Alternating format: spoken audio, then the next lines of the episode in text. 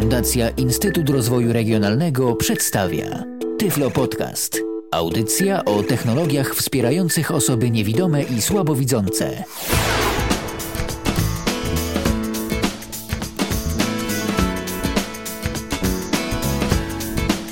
Godzina 19 już za nami, zatem rozpoczynamy kolejne spotkanie z Tyflo Podcastem na antenie Radia N. Przypomnę, że Tyflo Podcast e, to jest audycja, e, w trakcie której poruszamy tematy dotyczące osób niewidomych, a także słabowidzących. Wszystko jest uzupełnieniem tego, co znaleźć możecie na naszej stronie internetowej pod adresem www.tyflopodcast.net. Piszemy www.tyflopodcast.net. Ta audycja oczywiście także tam się ukaże. Dziś e, moim e, gościem w studiu Radia N jest Piotr Witek. Witaj. E, witam Cię, witajcie. Tylko pozwól troszeczkę podgłośnie Twój mikrofon. O, już jest wszystko w porządku. Dziś porozmawiamy sobie o y, urządzeniach i technologii w ogóle GPS. Y, w służbie osobom niewidomym. Wczoraj, tak y, kiedy informowałem jednego z moich redakcyjnych kolegów y, o tym, o czym będzie dzisiejszy program, to w ogóle tak się zdziwił. GPS? Niewidomi? A to wykorzystują tą technologię? Wykorzystują, oczywiście, prawda? Wykorzystują i to myślę, że dość namiętnie od ładnych kilku lat, w momencie, gdy tylko system GPS został udostępniony mm, do niekomercyjnego użytku, nie tylko dla wojska i tak dalej. Niewidomi korzystają z niego bardzo chętnie, no, ponieważ daje nam ogromne możliwości. No właśnie, GPS, czyli system, który tak na dobrą sprawę to chyba od kilku lat y, bardzo jest systemem popularnym, aczkolwiek no liczy sobie już tych lat y, nieco więcej. System, który przede wszystkim wykorzystywany jest, y, tak jak powiedziałeś, przez wojsko i tam właśnie wykorzystywany był najpierw, ale później także jego wersja okrojona, mm, która posiada nieco większą tolerancję błędu, o ile pamiętam to do 5 metrów, e, została także udostępniona y, użytkownikom cywilnym. Na czym w ogóle ten cały system polega? Myślę, że większość, szczególnie kierowców, wie, bo posiadają nawigację satelitarną w swoich y, oj, samochodach. Oj, oj, nie, nie, nie, ja to muszę, ja tu ci przerwę teraz, bo musimy na to zwrócić uwagę. No właśnie. Myślę, że właśnie większość kierowców nie wie, Stąd raz po raz docierają do nas informacje o kierowcach a to lądujących w jakichś rzekach, tudzież stawach albo spadających z nieczynnych mostów. To jest e, system GPS, który jest bardzo wygodny, bardzo e, przyjazny, posiada interfejs dla widzących użytkowników i niestety zapominają oni często o tym, że to nie jest wszechwiedzące urządzenie, a opiera się na danych, które ktoś wprowadził do tego urządzenia. Ale może zanim o szczegółach, w skrócie powiedzmy tylko, mm, jak ten system GPS działa. Y, GPS, czyli Global Positioning System, opracowany przez Departament Obrony Stanów Zjednoczonych. System, jak Michał powiedział, przez kilka lat używany przez wojsko. Od kilku lat możemy go używać my, cywile. My przynajmniej nie ja, mniej więcej od 4 czy 5 lat korzystam z nawigacji satelitarnej dla osób niewidomych i bardzo sobie chwalę. System polega na tym, iż dookoła naszej planety krąży aktualnie 31 satelit wojskowych, które wysyłają na Ziemię sygnały radiowe. Na dwie pozostałe części systemu składają się stacje naziemne, które także generują sygnały radiowe i odbiorniki GPS, które posiadamy my w telefonach jako osobne urządzenia, czy kierowcy w swoich nawigacjach samochodowych. Nasze odbiorniki odbierają owe sygnały radiowe zarówno od satelitów, jak i od stacji naziemnych i nie wchodząc w szczegóły, obliczają sobie odległość, w jakiej znajduje się nasz odbiornik od danych stacji naziemnych i danych satelitów czyli dokonuje tak zwanej triangulacji. Na tej podstawie jest w stanie ocenić e, nasze położenie. E, I tutaj oczywiście mm, teraz dokładność e, naszego, naszej pozycji system jest w stanie określić z różną dokładnością. Od tutaj mamy parę czynników, które mają na to wpływ. czy to miejsce, samo miejsce, w którym się znajdujemy, na przykład między e, dwoma wysokimi budynkami tworzy się zjawisko tak zwanego kanionu, gdzie fala radiowa odbija się wielokrotnie, co ma wpływ na jakość ustalanej pozycji, czy ilość e, satelitów, które odbiera nasz odbiornik, czy chociażby ilość e, stacji naziemnych, od których nasz odbiornik będzie odbierał poprawki. Tak więc na przykład zupełnie inaczej wygląda nasza pozycja w mieście, gdy korzystamy z tego samego sprzętu, a zupełnie inaczej, gdybyśmy znaleźli się na przykład na pustyni, gdzie nic nie będzie nam zasłaniało widoku horyzontu, czyli tych satelit będziemy mieli bardzo dużo w zasięgu odbiornika, a także nie będziemy mieli żadnych fal odbitych od jakichkolwiek budowli. E, co istotne, nie zależy to, chociaż e, poniekąd tak, ale w niewielkim stopniu, od naszej pozycji na kuli ziemskiej. Za to właśnie zależy głównie nasza dokładność od stacji korygujących, tych naziemnych, i od właśnie naszego otoczenia, bo na przykład jeśli byśmy sobie sprawdzili dokładność, powiedzmy stojąc w centrum Trójmiasta, to ona będzie rzędu 10-15 metrów, ale w momencie, gdy mm, wypłyniemy 10 km od, od naszego wybrzeża, to tam dokładność spadnie do 1 metra i to korzystając z tego samego sprzętu, a nie jakichś super wojskowych urządzeń. Myślę, że to tyle, jeśli chodzi o działanie, a teraz ta druga strona medalu, czyli punkty. punkty na Ale ja jeszcze zapytam się, się Ciebie, Piotrze, o jedną rzecz, bo powiedziałeś o działaniu, powiedziałeś o tym, że mamy różnego rodzaju odbiorniki. Te odbiorniki mogą być e, wbudowane właśnie w taką nawigację, jakiej używamy w naszych e, samochodach. Może to być odbiornik zewnętrzny i może być to odbiornik wbudowany e, w telefon komórkowy. Z nawigacji samochodowej raczej korzystać jako osoby niewidome nie będziemy, ale mamy do dyspozycji jeszcze dwa rodzaje, czyli właśnie takie GPS-y wbudowane w komórki i odbiorniki. Yy, zewnętrzne, na przykład, y, które możemy sobie gdzieś tam y, dołączyć chociażby do telefonu komórkowego. Pytanie moje jest takie. Ja bym to i... poszerzył. Aha. Poszerzyłbym to, bo jeszcze mamy, pamiętajmy, że mamy jeszcze zewnętrzne urządzenia do tak. Tak, tak, ale y, chodzi mi, chodzi mi na razie o same odbiorniki, bo o urządzeniach do nawigacji mhm. będziemy mówić za chwilkę. Ja jednak do czego zmierzam? Chodzi mi o to, czy w dalszym ciągu, Twoim zdaniem, nadal jest dosyć duża różnica między jakością tych odbiorników, bo kiedyś mówiło się, że jeżeli chcemy mieć dobrą jakość sygnału, jeżeli chcemy no, mieć w miarę przejrzyste informacje względem tego, gdzie jesteśmy, to najlepiej zaopatrzyć się w odbiornik zewnętrzny. Dalej tak jest, czy już ta technologia jednak poszła do przodu? No, odrobinkę wiadomo, że poszła do przodu, aczkolwiek nie do końca. Przede wszystkim dwie mm, zasadnicze różnice.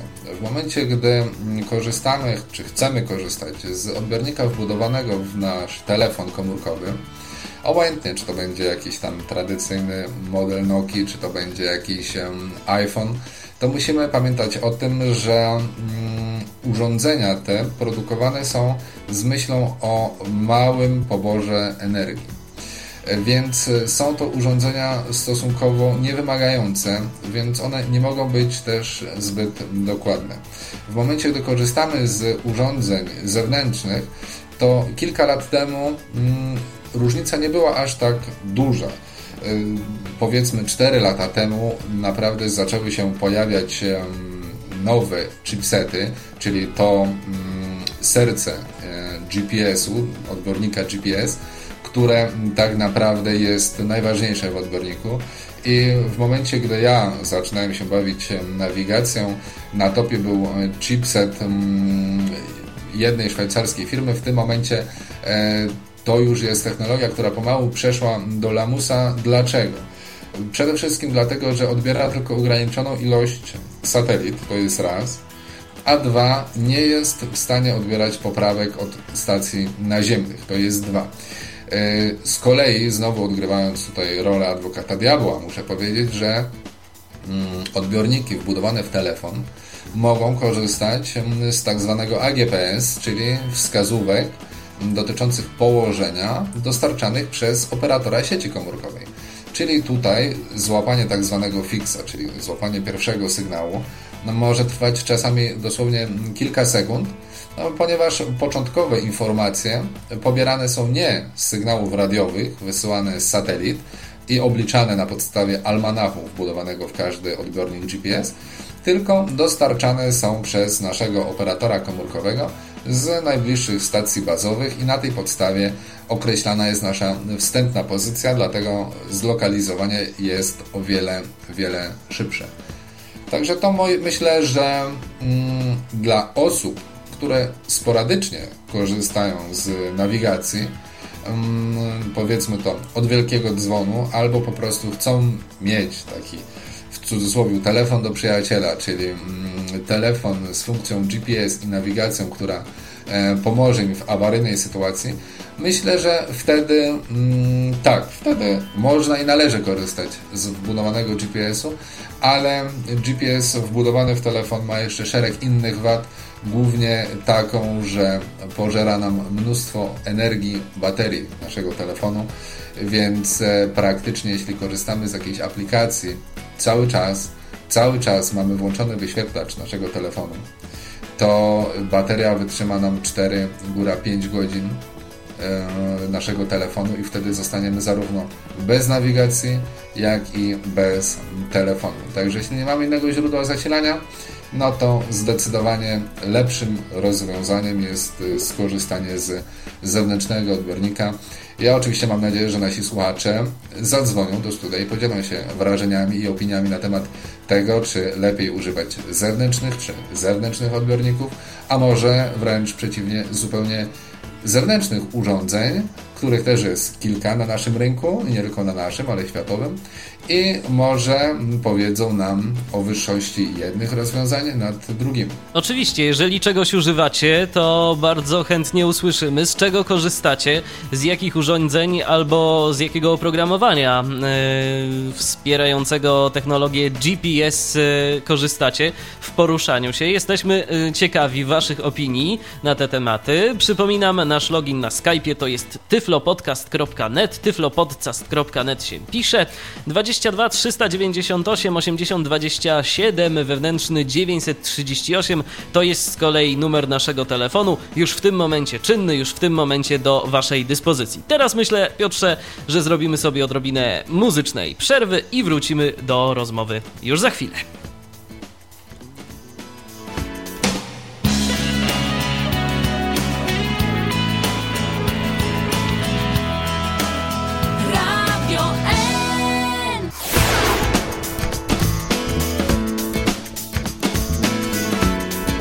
W Tyflo Podcaście dziś wspólnie z Piotrem Witkiem, no i mam nadzieję, że z Waszym udziałem również rozmawiamy o e, technologii GPS, e, o technologii, która oprócz tego, że przydatna kierowcom, e, przydatna może być także osobom niewidomym. Wspomnieliśmy już o tej teoretycznej podstawie funkcjonowania GPS-u. No i teraz nasuwa się pytanie: no dobrze, chcę korzystać z tego urządzenia, a właśnie, jeszcze myślę, że musimy powiedzieć o jednej bardzo ważnej rzeczy. Bo ja mam takie wrażenie, o czym zresztą rozmawialiśmy Piotrze poza anteną, nie wiem czy się ze mną zgodzisz, ale o GPS-ach ostatnio jakoś tak mniej się mówi. Ja mam takie wrażenie, że ci, którzy chcieli się dowiedzieć, to już się dowiedzieli, a ci, którzy nie wiedzą, to albo nie wiedzą, że mogą chcieć wiedzieć, albo po prostu nie wiedzą jak zapytać, nie wiedzą skąd y, czerpać wiedzę. Z jednej strony e, rzeczywiście obserwuję, mm, tak jak ty, jak gdyby mm, spadek zainteresowania nawigacją, aczkolwiek myślę, że ostatnio przez e, projekt e, Ovi Maps to się nieco zmienia i ludzie zaczynają się interesować mm, kolejną koncepcją, o której będziemy później rozmawiać. Myślę jednak, że w Polsce brakuje jakiejś takiej rzeczy. E, tak mi się wydaje, to takie moje oczywiście luźne przemyślenia. Robi się wiele szkoleń, często bardzo hmm, dziwnych, typu tam zajęcia florystyczne dla niewidomych i te, tym podobne rzeczy, a brak jest szkoleń ze zrozumienia, skorzystania z nawigacji.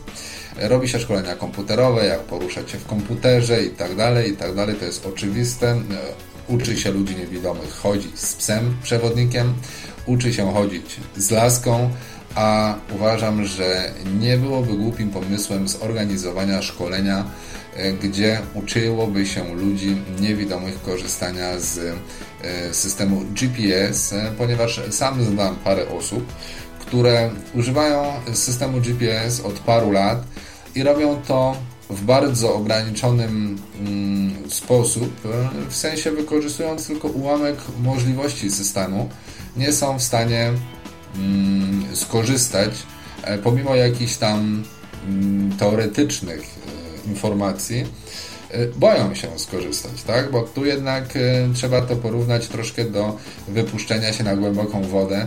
Jednak, żeby mm, móc potestować GPS, trzeba wyjść z domu ruszyć się, często znaleźć się w nieznanym terenie. Ale powiedzmy jeszcze no jedną istotną rzecz moim zdaniem. Y, GPS nie zastąpi nam białej laski ani na przykład psa przewodnika. To nie jest coś, co y, powie nam na przykład, że jest krawężnik albo że na przykład mamy czerwone światło, y, czy, czy że jedzie samochód. To nie będzie coś, co, co nas zaprowadzi w miejsce, jakiego byśmy sobie życzyli. O tym też trzeba pamiętać. No bo jeżeli nie będziemy to o tym pamiętać, to, o czym no to... rozmawialiśmy w mhm. przypadku kierowców. Y, osoby niewidome tak samo jak kierowcy nie mogą ślepo ufać mm, akurat y, ładnie mi się spasowało. Nie można ślepo ufać GPS-owi, ponieważ pamiętajmy, mm, tam jest błąd od kilku do kilkunastu metrów, czasami kilkudziesięciu metrów. Tak samo nie możemy przestać ufać zdrowemu rozsądkowi, tak jak nie powinni tego robić kierowcy, którzy zapominają patrzeć na znaki drogowe i jadą tylko za wskazaniami GPS-u. GPS nie pomoże nam znaleźć rozsypanych drobnych na ulicy, ani nie zaprowadzi nas pod klamkę wskazanego adresu. Piotrze, mamy pierwszy telefon, łączymy się z Pawłem. Paweł się do nas dodzwonił, witaj Pawle.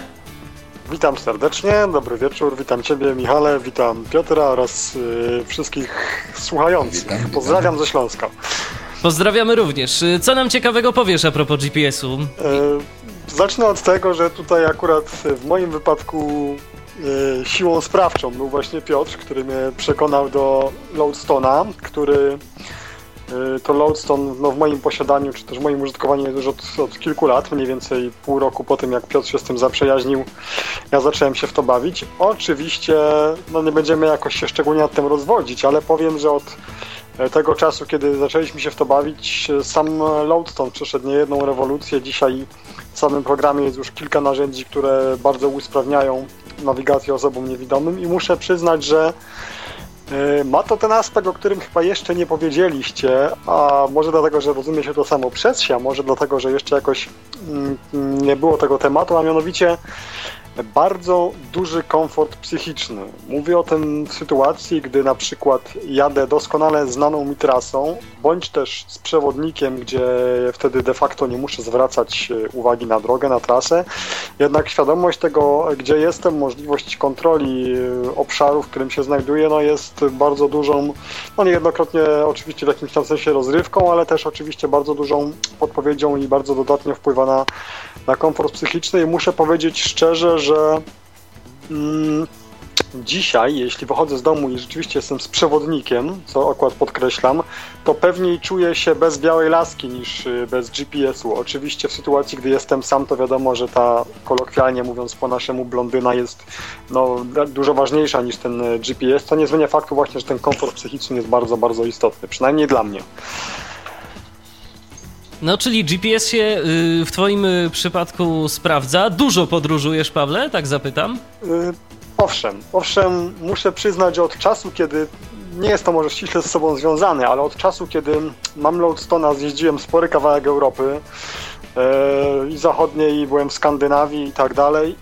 GPS właśnie nie tylko pomaga kontekście samym osobom niewidomym, ale właśnie dzięki różnego rodzaju bazom punktów, które są dostępne, pomaga nam się na przykład orientować e, na autostradzie, jeśli z kimś jedziemy, jak daleko mamy do najbliższej chociażby toalety, stacji benzynowej, A to czy jakiegoś punktu, gdzie możemy coś skonsumować. Także to jest, to jest też jedna sprawa. A poza tym, jeszcze jeden aspekt, o którym mówi się mało, bo jest to może nie dedykowane wąskiej grupie, bo to jest złe słowo, ale stosunkowo wąska grupa użytkowników tego używa. GPS pozwala nam również wysyłać swoją aktualną pozycję w świat. Tak się składa akurat, że jestem krótkofalowcem i w gronie krótkofalowców jest to bardzo popularne, czyli właśnie wysyłanie swojej pozycji w świat, tak że inni krótkofalowcy za pomocą bądź to odpowiednich urządzeń, bądź to w internecie e, mogą wiedzieć, gdzie akurat jestem. To oczywiście bardziej ma charakter, bym powiedział, taki no, swobodny, rozrywkowy, czy też e, w jakimś takim sensie bardziej informacyjny niż stricte użytkowy, no ale poniekąd żartem można powiedzieć, że jak znajomy do mnie jedzie, to już wiem, czy mam stawiać wodę na kawę, czy jeszcze nie. no i takie może się okazać przydatne zastosowanie tego GPS-u. Dobrze, Pawle, dziękujemy Ci bardzo za głos w dyskusji. Pierwszy zresztą, ale mam nadzieję, że nie ostatni w dzisiejszej audycji. Dzięki. Pozdrawiam. Dzięki. Ja z kolei dziękuję za bardzo ciekawy temat. Trzymajcie się i do usłyszenia. Pozdrawiamy, cześć. No właśnie, zaczęliśmy mówić o technologii. I Paweł poruszył tu e, dosyć istotną kwestię. E, mianowicie kwestię mm, tego, no, że mamy już tego GPS-a, to w końcu trzeba by się było zabrać e, za korzystanie z niego. No i teraz od czego zacząć? Tak na dobrą sprawę. No, ja bym jeszcze zwrócił uwagę, że korzystanie z GPS-a to jest właśnie korzystanie z pewnych zasobów wprowadzonych do urządzenia naszego odbiornika, czy programu, czy zewnętrznego urządzenia nawigacyjnego. To są pewne dane, e, to są dane geograficzne, e, współrzędne geograficzne. Piotrze, poczekaj, przepraszam, że ci przerwę, ale mamy kolejny telefon. Dziś się nam telefony Jasne. rozdzwoniły. Kogo witamy tym razem? Halo? Halo? Halo, Może witamy. Ktoś słuchał nas. Halo? E, Właśnie, ktoś, nas ktoś, ktoś nas słucha w radiu, a nie słucha nas w telefonie. Prosimy nas słuchać w telefonie, bo dosyć duże opóźnienia będziemy mieli. Kogo witamy po drugiej stronie? E, cześć Michale, kłaniam się Roman z Poznania. Witamy, witamy serdecznie. I cóż ty nam, Witaj, Romanie, Romanie, powiesz? No, A propos GPS. ja mogę powiedzieć? E, korzystam z nawigacji od praktycznie pięciu lat. Używam nawigatora nie będę porównywał y, z wygodą czy niewygodą w stosunku do, do innych systemów, z tego względu, że po prostu z innych nie korzystałem do tej pory. Ale y, no, tak jak już Paweł powiedział wcześniej, ja sobie nie wyobrażam w ogóle poruszania się bez nawigatora w kieszeni. Bywa tak, że go nie mam włączonego, ale to właśnie też kwestia tego komfortu psychicznego, że wiem, że w każdej chwili będę mógł go włączyć, będę wiedział, gdzie jestem. Także na takich bardzo dobrze mi znanych trasach tego po prostu no, nie włączam.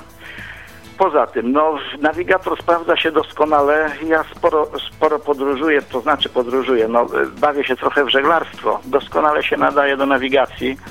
Mało tego, poruszając Roman, Roman przepraszam, że ci przerywam.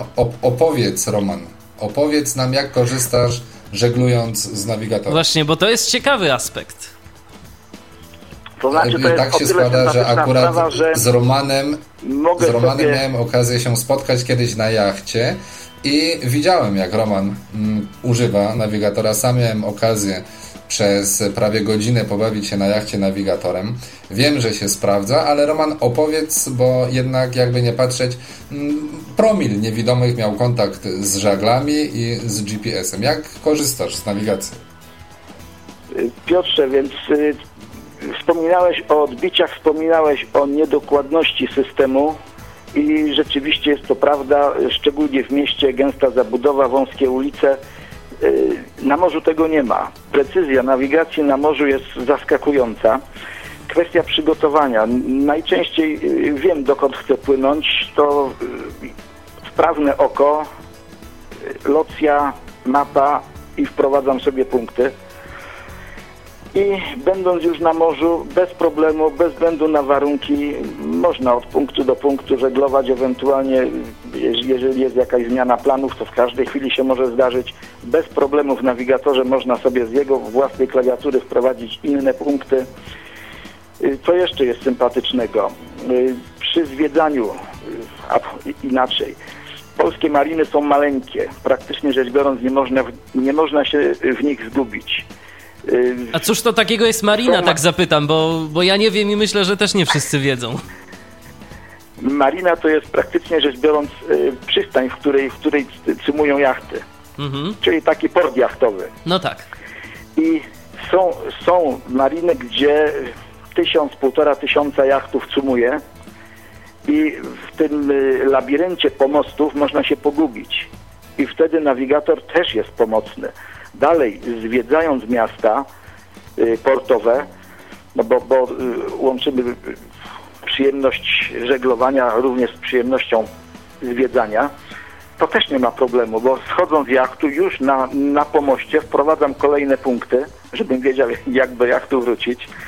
Maszerując potem po mieście, też w każdej chwili wiem, jak daleko jestem od jachtu i mogę wrócić niekoniecznie tą samą drogą i w zasadzie nigdy tego nie praktykuję, bo po co iść dwa razy tą samą drogą, ale mając y, kierunek i odległość do jachtu, bez problemu idąc na azymut można dojść, a już w samym wejściu do mariny, bo te punkty zawsze sobie zaznaczam i dalej kolejne punkty na, y, już na samych pomostach przystani, bezbłędnie trafia się, trafia się do jachtu i muszę Wam powiedzieć, że koledzy, koleżanki, z którymi pływam, widzący, y, bardzo często korzystają z mojej pomocy, bo szczególnie jak się wraca późno do portu, naprawdę widzącym jest trudno się y, połapać, gdzie, ja którędy należy iść. Roman, wtedy, muszę wtedy potwierdzić Twoje słowa.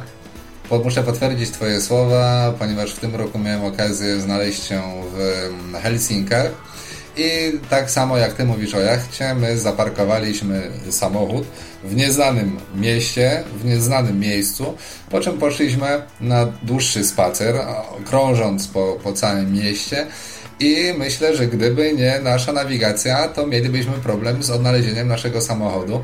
Tak więc potwierdzam, nie tylko w marinach, ale także w miastach, nie tylko zagranicznych, ale po prostu miastach naszych, polskich, których nie znamy, bez problemu możemy odnaleźć, że tak powiem, punkt wyjścia, czy zaparkowany samochód, dworzec itd., tak itd. Tak I można to uczynić zarówno z nawigatorem, jak i właśnie programem Loadstone, o którym także będziemy dziś mówić. Czyli Romanie, bardzo przydatny y, w Twoim życiu GPS jest na morzu. No proszę, to, to już jest w ogóle bardzo ja interesująca tutaj, kwestia. Ja bym chciał troszkę tutaj Romana podpuścić, ponieważ znam pewną historię, która jest dość spektakularna i może, nie wiem, Roman, dasz się namówić na opowiedzenie swojej przygody?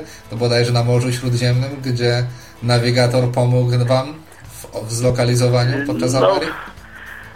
W zasadzie fakt, no, miało to miejsce, to było w roku 2007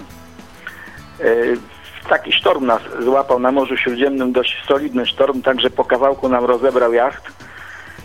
Co rusz coś padało, żagle odfrunęły. No i, i w sumie pozostało nam tylko skorzystać z pomocy któregoś z przepływających statków. Tylko był pewien problem, ponieważ e, sztorm był rzeczywiście solidny, fala bardzo wysoka, także że były nawet problemy z połączeniem się przez UKF-kę nasz pokładowy system GPS padł i jak udało nam się nawiązać łączność z promem pasażerskim, dużym promem pasażerskim, to pozycję naszego jachtu podawaliśmy właśnie z nawigatora. Także po, po, po kilku godzinach podszedł do nas ten prom, no i się przesiedliśmy. Działo to się 80 mil y, na północ od Mesyny. Także taka, taka no, przygoda, gdzie rzeczywiście y, nawigator y, stanął na wysokości zadania i, i mieliśmy się na co przesiadać. No dokładnie i okazuje się, że taki sprzęt specjalistyczny w specjalnych okazjach, y, niekoniecznie przyjemnych, y, no ale może także nawet i życie uratować mm, poniekąd, no bo no, gdyby... Z całą, z całą pewnością. No właśnie. No, ciekawych rzeczy Wiesz, się tu dowiadujemy. Może, mhm. może jeszcze y, nawiążę tylko do tego, co, o czym wcześniej Piotr, Piotr, nie, Paweł chyba wspominał, mianowicie o tym, że niewidomi nie korzystają. Powiem więcej, niewidomi, wielu niewidomych y, w ogóle nie słyszało o, o nawigatorze.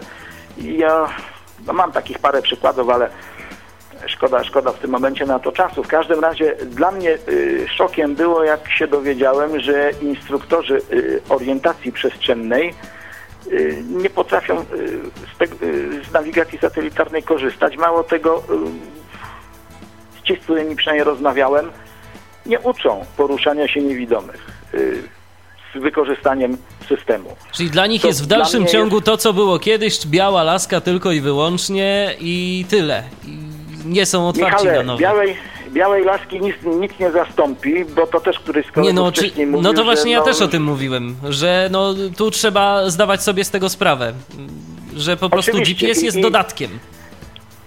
Na dobrą sprawę to podstawą jest, jest laska i nawigator. Dobrze, jeżeli do tego jest jeszcze pies.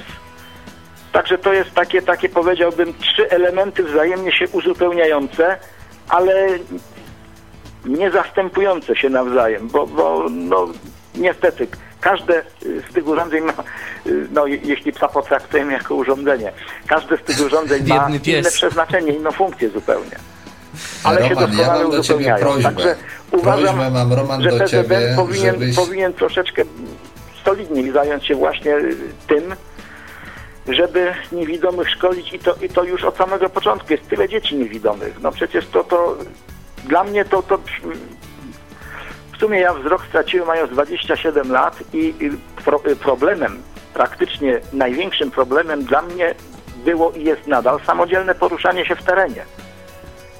Bo w domu czy, czy, czy w miejscach, które znam, poradzę sobie niemal z wszystkim, ale w terenie jest problem. A z kolei nawigacja to, to, to już no, tyle zostało powiedziane, że nie będę powtarzał, ale ja sobie nie wyobrażam życia bez, bez nawigatora.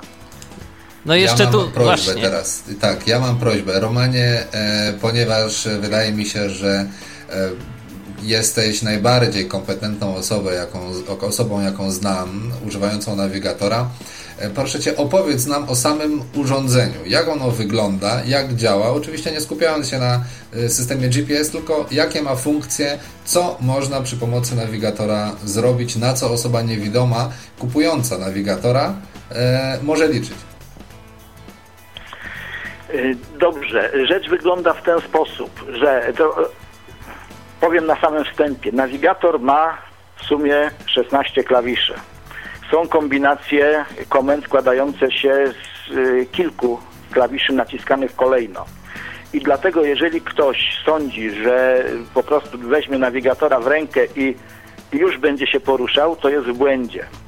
To jest podobnie jak, jak z jazdą na rowerze. Jeździ się fantastycznie, super, ale najpierw trzeba się tego nauczyć.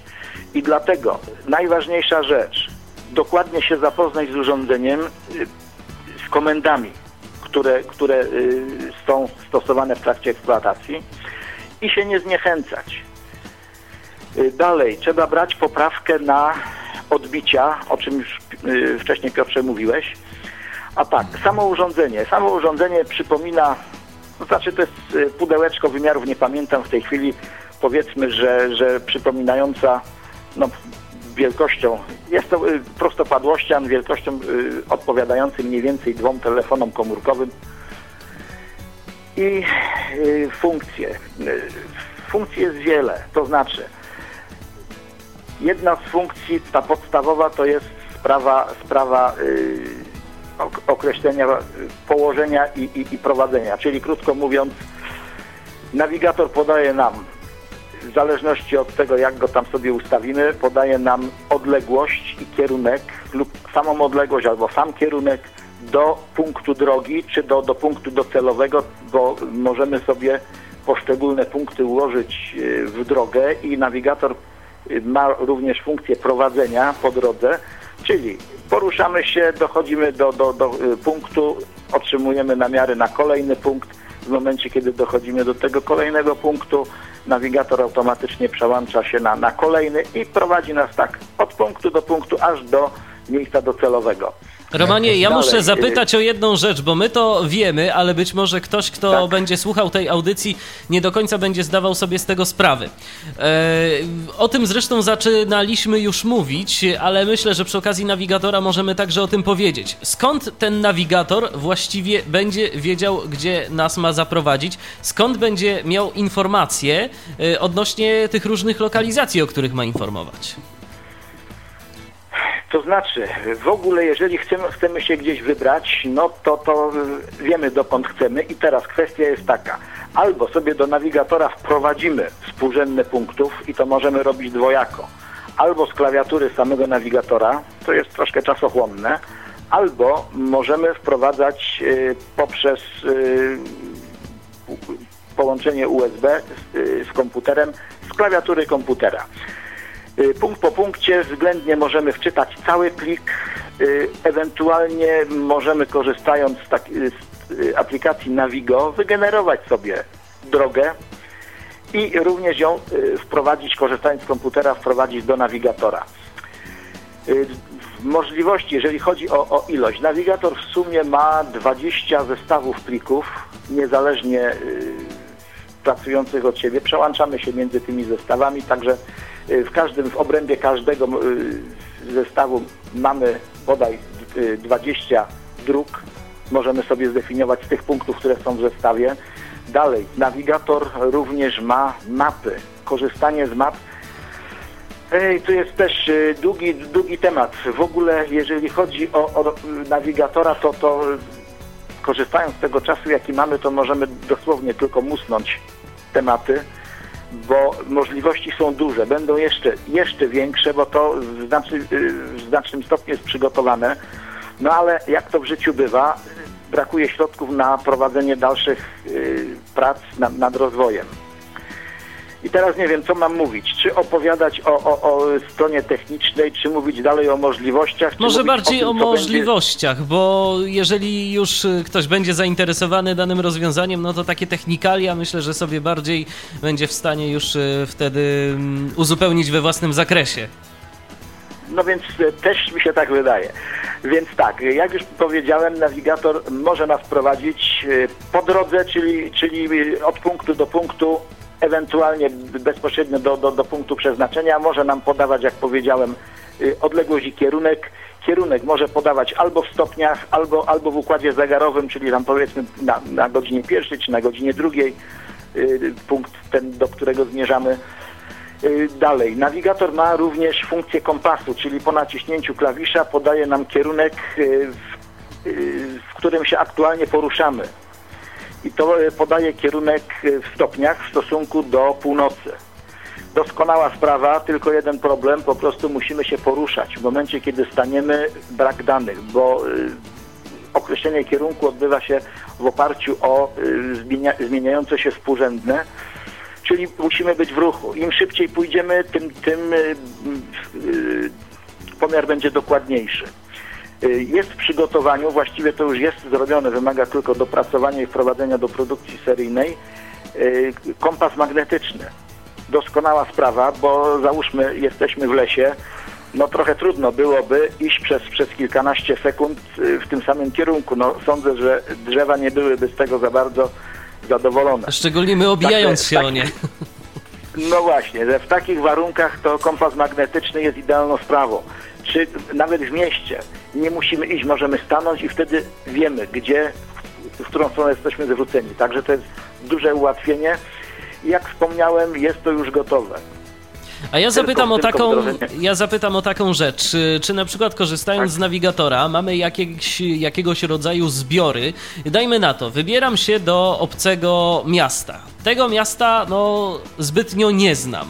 Czy na przykład będę y, w stanie y, z użyciem nawigatora przygotować sobie w jakiś sposób y, taką trasę, żeby dotrzeć na przykład z dworca w danym mieście na jakąś tam powiedzmy ulicę? Można. To znaczy, można mieć punkty z danego miasta, kupując zbiór punktów opracowanych przez PWK Taki, taki zestaw punktów zawiera około 100 tysięcy punktów. Ta, y, cena tego jest rzędu bodajże 200 zł. Jestem w danym mieście, wpisuję, wpisuję do, y, z klawiatury nawigatora, wprowadzam adres, pod, pod który chcę się udać i ten adres on odnajduje i już mogę, ale to na zasadzie nie, że, że mi od razu ułoży drogę, tylko mam y, położenie punktu docelowego i w momencie, kiedy włączę prowadzenie do tego punktu, mam informację, czy do tego punktu się zbliżam, czy oddalam się od niego i wiem na jakim on jest kierunku. I wtedy niestety muszę już, że tak powiem, kombinować, no bo wiadomo, y, nie pójdziemy w mieście na przełaj, no bo najczęściej w mieście na przełaj iść się nie da, a yy, odległość nam podaje yy, do tego punktu i podaje nam kierunek, ale w linii prostej. Mhm. Można zrobić jeszcze inaczej, korzystając yy, z tej aplikacji Navigo, o której wspomniałem wcześniej. Tam wpisuję sobie, sobie załóżmy, no przyjechałem pociągiem, wpisuję sobie, sobie yy, dworzec kolejowy, na którym wysiądę, wpisuję punkt docelowy i yy, program sam generuje mi zbiór punktów będących drogą. To mogę sobie wprowadzić, jak już też wcześniej wspominałem, z komputera bezpośrednio do nawigatora i wtedy już jak po sznurku poprowadzi mnie od punktu do punktu. Z tym, że tu też musiałbym jeszcze dodać, że y, prace nad aplikacją Navigo zostały też w pewnym sensie zawieszone. To znaczy y, jest bodajże 10 obszarów. Jest to y, w Warszawie rejon Polskiego Związku Niewidomych, znaczy Zarządu Głównego PZN. W Poznaniu jest to rejon Jeziora Malta, gdzie przygotowano trasy na zasadzie takiej, że, że program wygeneruje nam Y, drogę, po której się będziemy poruszali. Natomiast pozostała część kraju jest na zasadzie takiej jak, jak w mapach samochodowych, czyli poprowadzi nas jak samochód. No co może być sobie... nie, zawsze, nie zawsze dobrym rozwiązaniem. Romanie, jeszcze znaczy, zapytam, tak. jeszcze zapytam, y, no bo mówimy o możliwościach tego urządzenia, a ile ono nas tak. Y, na chwilę obecną będzie kosztować? No to jest też taki właśnie problem. Na chwilę obecną, o ile pamiętam, to jest chyba 3440 bodaj złotych, ale no i to kwestia, czy powinny na to być pieniądze, czy nie. Moim zdaniem dofinansowanie powinno być, ale jako ciekawostkę też podam, że yy, Miejski Ośrodek Pomocy Rodzinie w Poznaniu, w momencie kiedy tam y, rozmawiałem, co prawda w zupełnie innej sprawie, ale tak zeszła rozmowa na temat właśnie y, pomocy, jakich, z jakich niewidomi korzystają, to się trochę zbiegło, zbiegło w czasie z tyflobusem Altixu, który jeździł po Poznaniu, no i, i ponieważ pani ta kierowniczka Y, w tym miejskim ośrodku była zainteresowana pomocami, a to pozwoliłem sobie zaprosić ją na tą y, wystawę do y, tych lobusów. No i pani była zachwycona. Zobaczyła wszystko, co prawda wtedy jeszcze nawigatora tam nie mieli, ale to pokazałem swojego. No i pani stwierdziła, że w zasadzie to w tej chwili to, to zupełnie inaczej będzie patrzyła na wnioski składane przez niewidomych. No i bardzo dobrze. Specyficzna, specyficzna sprawa. I teraz, ta, no, bo Trudno się dziwić ludziom, a, a w ogóle to też tak może, może troszkę tu przewrotnie powiem, że słyszałem wypowiedź pewnego działacza związkowego, który krytykował nawigację satelitarną, bo co to za urządzenie, które nie mówi o tym, gdzie jest krawężnik i jaki wysoki. No nie wiem, czy ten ktoś korzysta z laski, czy nie, ale prawdopodobnie prawdopodobnie coś mu się pomyliło. Moim zdaniem sztuką jest umieć że... korzystać właśnie z tych y, wszystkich y, urządzeń y, i wiedzieć no co właśnie. do czego, jakie co ma możliwości. Dobrze, Romanie, bo rozgadaliśmy się, Piotr się zasłuchał, a no myślę, że... Jeszcze, bardzo dla mnie ciekawe tak? informacje. No.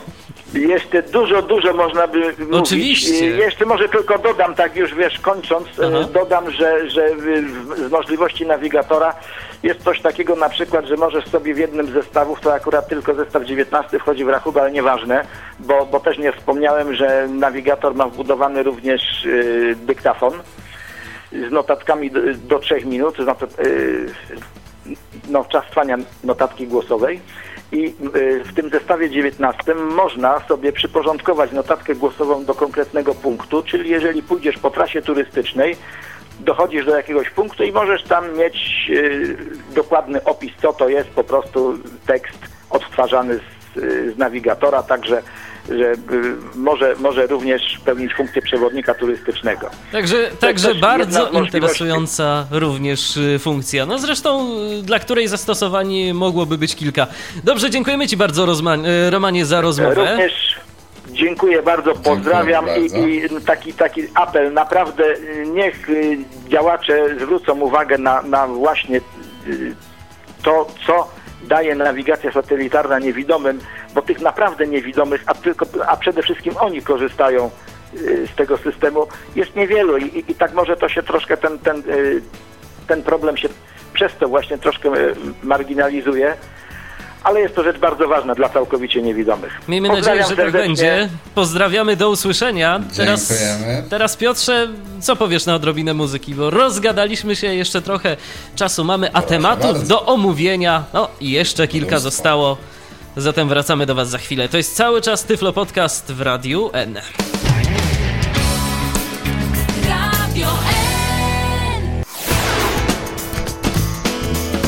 To jest cały czas audycja Tyflo Podcastu na antenie Radia N. Dziś rozmawiamy o technologiach GPS w służbie osób niewidomych. Oczywiście cały czas czekamy na Wasze telefony. tyflopodcast.net to jest e, nasz Skype, a 22 398 80 27 wewnętrzny 938 to jest e, numer telefonu stacjonarnego, pod który również możecie dzwonić. E, Rozmawialiśmy przed momentem o nawigatorze, to teraz myślę, że właśnie powiedzmy o tych punktach, Piotrze, o co tak naprawdę z nimi chodzi yy, i jak można sobie takie punkty pozyskać. No bo chyba się ze mną zgodzisz, że urządzenie takie właśnie do nawigacji GPS yy, no nie jest yy, w zasadzie niczym bez, yy, bez punktów. Znaczy to też nie do końca tak, ale tu już nie wchodźmy w polemikę, bo zarówno na przykład nawigatora czy programu Loadstone można używać bez map, e, samemu sobie je tworząc, po prostu wstawiając punkty, tworząc je w danych miejscach, gdzie się znajdujemy. Po pewnym czasie sami sobie tworzymy bardzo gęstą mapę, po której możemy się e, poruszać przy pomocy właśnie nawigacji satelitarnej. Ale to, co istotne i to, co sprawia, że dana nawigacja jest e, nam przydatna, funkcjonalna i tak dalej, to są właśnie mapy, mapy i sposób ich pozyskiwania. Tak naprawdę kto te mapy tworzył, e, jak je tworzył i na ile te mapy są dokładne. Przykładowo, e, do nawigatora, jak wspominał Roman, mapy mm, są dostarczane, przynajmniej jakaś ich tam mała część w momencie kupna. Ona bodajże ogranicza się do województwa. W momencie, w którym e, osoba kupująca się znajduje, dostaje mm, mapę punktów danego województwa. W przypadku innych e, projektów, na przykład Ovi Maps, tutaj mapy mm, dostarczane są przez e, firmę Nokia. Przypadku firmy mm, wcześniejszego, bardzo interesującego programu Wayfinder Access były dostarczane przez e, dwie mm, firmy zewnętrzne na zlecenie konsorcjum Wayfinder. Podobnie jest z e, na przykład e, iPhone'em, gdzie iPhone korzysta znowu z nawigacji e, map Google. Zupełnie inna kwestia jest e, w przypadku Loadstone'a, gdyż tutaj użytkownicy najczęściej korzystają z punktów, oprócz tych przez e, siebie tworzonych, z punktów dostarczanych przez e, innych użytkowników. Tutaj trzeba wymienić przede wszystkim grupę użytkowników, która zgromadziła się wokół listy dyskusyjnej e, Loadstone Polska. E, Szczególne tutaj wyrazy uznania dla mm, Mikołaja i Grześka, którzy bardzo tutaj prężnie działają. Grzesiek zapewnia nam stały dopływ e, punktów, które pozyskuje z darmowego projektu, gdzie właśnie użytkownicy, głównie kierowcy, tworzą punkty dla własnych nawigacji samochodowych. Później e, Grzegorz e, konwertuje je, przerabia je tak, aby polscy użytkownicy Loadstona mogli z tych e, punktów korzystać. I teraz tych punktów jest naprawdę, mm, wydaje mi się, że około 200 tysięcy. I to są punkty nie tylko w Polsce, ale to są punkty także za granicą. To są punkty mm, podzielone na dane adresowe, na mm, skrzyżowania, na POI, czyli Point of Interest, punkty zainteresowania, czyli różnego rodzaju, e, czy to restauracje, hotele, mm, toalety nawet miejskie. W momencie, Też gdy znajdujemy się w obcym obcym mieście dokładnie to jest czasami niezbędna sprawa. Jak e, osoba niewidoma e, ma znaleźć sobie toaletę? No, w momencie wiadomo, może zawsze gdzieś tam wejść do restauracji i tak dalej. No, ale na przykład będąc w Krakowie na rynku, bez problemu nawigacja mm, Lodestone może wskazać w cudzysłowie Toytoja na rynku w Sukiennicach. E, oczywiście e, wiele e, map e, ma punkty o różnej jakości. I o tym trzeba powiedzieć, że mapy często robione dla nawigacji samochodowych robione są właśnie dla kierowców. Czyli w momencie, gdy ktoś, e, jakiś kierowca, zaznacza jakiś punkt, to on w momencie, gdy, tak sobie to tłumaczę, że tak to działa e, psychologicznie, w momencie, gdy on się zatrzymuje na parkingu przed jakimś budynkiem i widzi z samochodu adres, o, ten budynek jest tam powiedzmy numer mm, 3 w odległości 40 metrów, ale on go widzi. I on w tym momencie zaznacza punkt, bo on stoi przed tym budynkiem i dla niego to jest ok, jak on tam wjedzie samochodem, jemu nawigacja powie, dojechałeś na miejsce i ma rację, bo on dalej tym samochodem nie pojedzie, ale dla nas ta odległość 40 metrów to jest błąd. To jest problem, bo my wtedy błądzimy i szukamy tego numeru 3. Więc o wiele lepiej sprawdzają się punkty, które sami sobie robimy, na przykład w Lodestone czy, czy w nawigatorze. To jest jedna kwestia. Inna kwestia jest jeszcze taka, że punkty tworzone są bardzo różnie. Są em, takie firmy jak na przykład Automapa, e, wiadomo, mapy samochodowe, która ma chyba najlepszą e, w Polsce mapę adresową, czyli tam adresy bardzo często odpowiadają faktycznym adresom, adresom na budynku. Jeśli mamy na budynku powiedzmy blok e, ulica X, numer 3 A i B, to mamy ten numer 3 i, e, A i 3B zaznaczone osobno, tak że e, możemy z dużym prawdopodobieństwem samochodem podjechać pod daną klatkę. A są niestety także nawigacje takie, gdzie na przykład zaznacza się punkt jeden na początku ulicy, drugi na końcu ulicy i później dzieli się matematycznie mm, odległość ulicy na ilość adresów, z czego czasami wychodzą koszmarki i niestety mm, podobny problem dotyczył nawigacji dla osób niewidomych Wayfinder Access, która już e, nie działa ale z nią był właśnie taki problem. Ja na przykład korzystając z tej nawigacji Wayfinder Access, e, ponieważ moja ulica mm, ma kształt podwójnej litery S, ona się tak wije, więc po prostu e, mój adres oznajmiany był mniej więcej 350 metrów od e, mojego bloku, więc po prostu wskazania były często absurdalne. Mam informację Oczywiście od Pawła, że łącznie punktów dla Loadstone'a jest ponad milion. To jest no, in... z całego świata. Tak, Tak, to brzmi imponująco, i myślę, tak. że to teraz, o czym chyba jeszcze nie zdążyliśmy powiedzieć, czyli to, że mm, nawigacja Lodestone to jest aplikacja na telefony komórkowe, z której mogą korzystać za darmo, co jest istotne, osoby mm, niewidome i słabowidzące. Wiesz co, Piotrze, ja myślę, że będziemy korzystać. mogli o tym sobie porozmawiać chyba nawet w trójkę, bo o ile pamiętam, to Rafał, który w tym momencie się z nami połączył, no czeka sobie już trochę No, Rafał. Tym, Ja No mam nadzieję, właśnie. że Rafał opowie nam jeszcze o narzędziach offline i ewentualnie online w przypadku Loadstone'a. Witaj, Dzień Rafale. dobry, Rafale. Dzień dobry. Czy mnie słychać? Słychać cię oczywiście głośno i wyraźnie. Poczekałeś sobie trochę. No, tak, poczekałem sobie. Temu panu trudno przerwać, ja, ja to wiem. E, I na wstępie muszę powiedzieć, że bardzo Ci Piotrze dziękuję, bo to dzięki Tobie zainteresowałem się Lodestone'em. Pamiętam już jak spory czas temu mi e, mówiłeś, opowiadałeś o tym programie i jakie to jest fajne, jak to pomaga i w ogóle, a że jestem praktyk, także dopóki się za to nie zabrałem, to cię tak słuchałem troszkę tak nie do końca ci dowierzając, no ale okazało się, że jednak miałeś rację i bardzo ci z tego miejsca za to dzięki.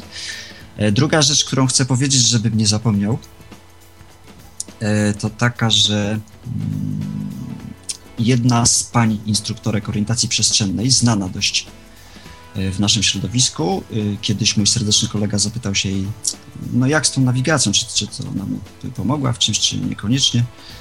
I pani owa stwierdziła, że ty masz się opierać na tym, co masz w głowie i na tym, co ci y, pokazuje biała laska, a gość nie do końca sobie radzi z tą orientacją przestrzenną i moim zdaniem właśnie nawigacja bardzo by mu y, życie ułatwiła. No ale niestety taki stosunek y, instruktorów, w ogóle środowiska jest do nawigacji, że jeszcze dużo, dużo wody musi upłynąć, zanim, zanim to się zmieni. No ale właśnie, skoro mowa o Loadstone, y, to na dobry początek y, program darmowy, to już y, o tym wspomniałeś Piotrze. Program darmowy i ze swojej strony powiem tak, ludzie, kochani, nie bójcie się wziąć tego telefonu, pobawić się tym programem, wyjść na ulicę i zobaczyć, co to w ogóle robi, do czego to to jest i czy to wam się przyda, czy nie. No to już to nie Podkreślmy, mówię, ale że nie musicie się, że- wychodzić sami. Nie musicie wychodzić tak, sami dokładnie. w momencie, gdy idziecie z kimś. Skorzystajcie. Nawet nie musicie robić dodatkowych kosztów sobie. Większość telefonów obecnie posiada wbudowane odbiorniki GPS. Sprawdźcie, jak to działa. co to robi, na ile wam się to przydaje i podejrzewam, że wielu ludzi jednak się do tejże nawigacji przekona, tylko właśnie najtrudniej jest zacząć. Ja doskonale pamiętam swoje początki, e, ile się mm, nachodziłem, nabłądziłem, zanim się mm, tego, e, tejże nawigacji nie nauczyłem, nie zrozumiałem o co tutaj e, A powiedz chodzi. Rafał, czy tobie by szkolenie pomogło, gdyby ktoś zorganizował takie szkolenie? Na początku oczywiście mówię, bo w tym momencie to Też sam właśnie takie chciałem- szkolenia prowadzić. Też, dzięki. Też właśnie sam chciałem o tym powiedzieć, bo y, pierwszy raz, kiedy spotkałem się z panem Kwaśniewskim, świętej pamięci już, e, oglądałem nawigatora niestety w y, pomieszczeniu. No wiadomo, co można mm, zrozumieć z nawigacji GPS, będąc w pomieszczeniu, siedząc sobie y, na krzesełku, tak, i trzymając coś tam w ręku, coś nie za bardzo nawet wiedząc, jak to, do czego to skojarzyć. Jeszcze czasem może być tak, że nawet żadnej satelity nie złapie w pomieszczeniu. Nie, no to w ogóle tak o tym zapo- zapomnijmy, prawda? To, to nawet dużo mi dało mm, nagranie niegdysiejsze Rafała Harłampowicza, który demonstrował nawigatora. I to wtedy mówię, no, no coś, coś to może być fajne. E, najwięcej jednak mi dał Tyflo Podcast e, i nagranie pierwsze o Lodstonie kolegi Killer of God, który tam się gdzieś tam wybrał po jakiejś wiosennej drodze, kurki piały i tak dalej, a on zmierzał tam gdzieś do jakiegoś przystanku. I wtedy tak naprawdę y, stwierdziłem, że to jest coś dla mnie.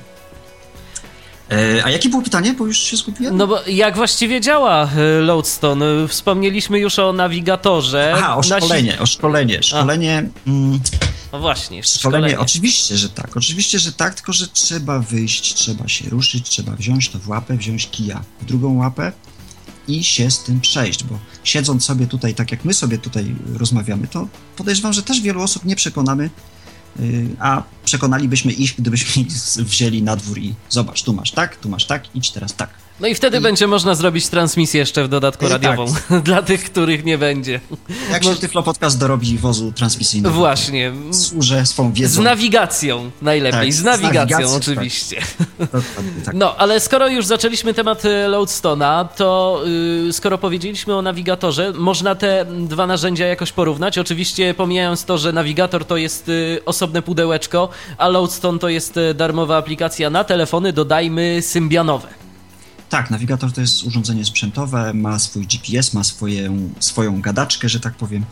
E, Jest to osobne urządzenie, natomiast Lawson to jest program, ale one działają, wydaje mi się, że naprawdę bardzo podobnie, bo mm, opierają się na, może tutaj Piotr mnie poprawi, opierają się na punktach, e, a nie działają w ten sposób, że y, wpisuje się adres i on nas prowadzi na zasadzie, że za 100 metrów skręć w lewo, przejdź 200 metrów skręć w prawo, idź 100 metrów, jesteś u celu.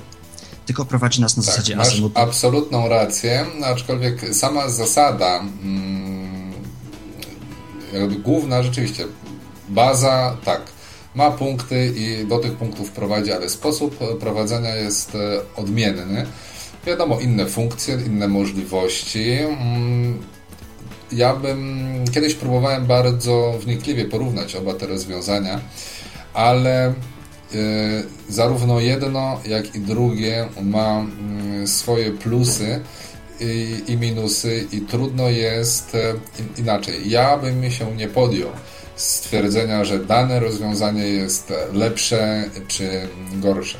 Jedno nam może pozwolić na nie wiem, dłuższą pracę, na osiągnięcie innych. em, Jak się efektów. domyślam, nawigator potrafi dłużej pracować. Oczywiście, zdecydowanie. Oczywiście, że tak.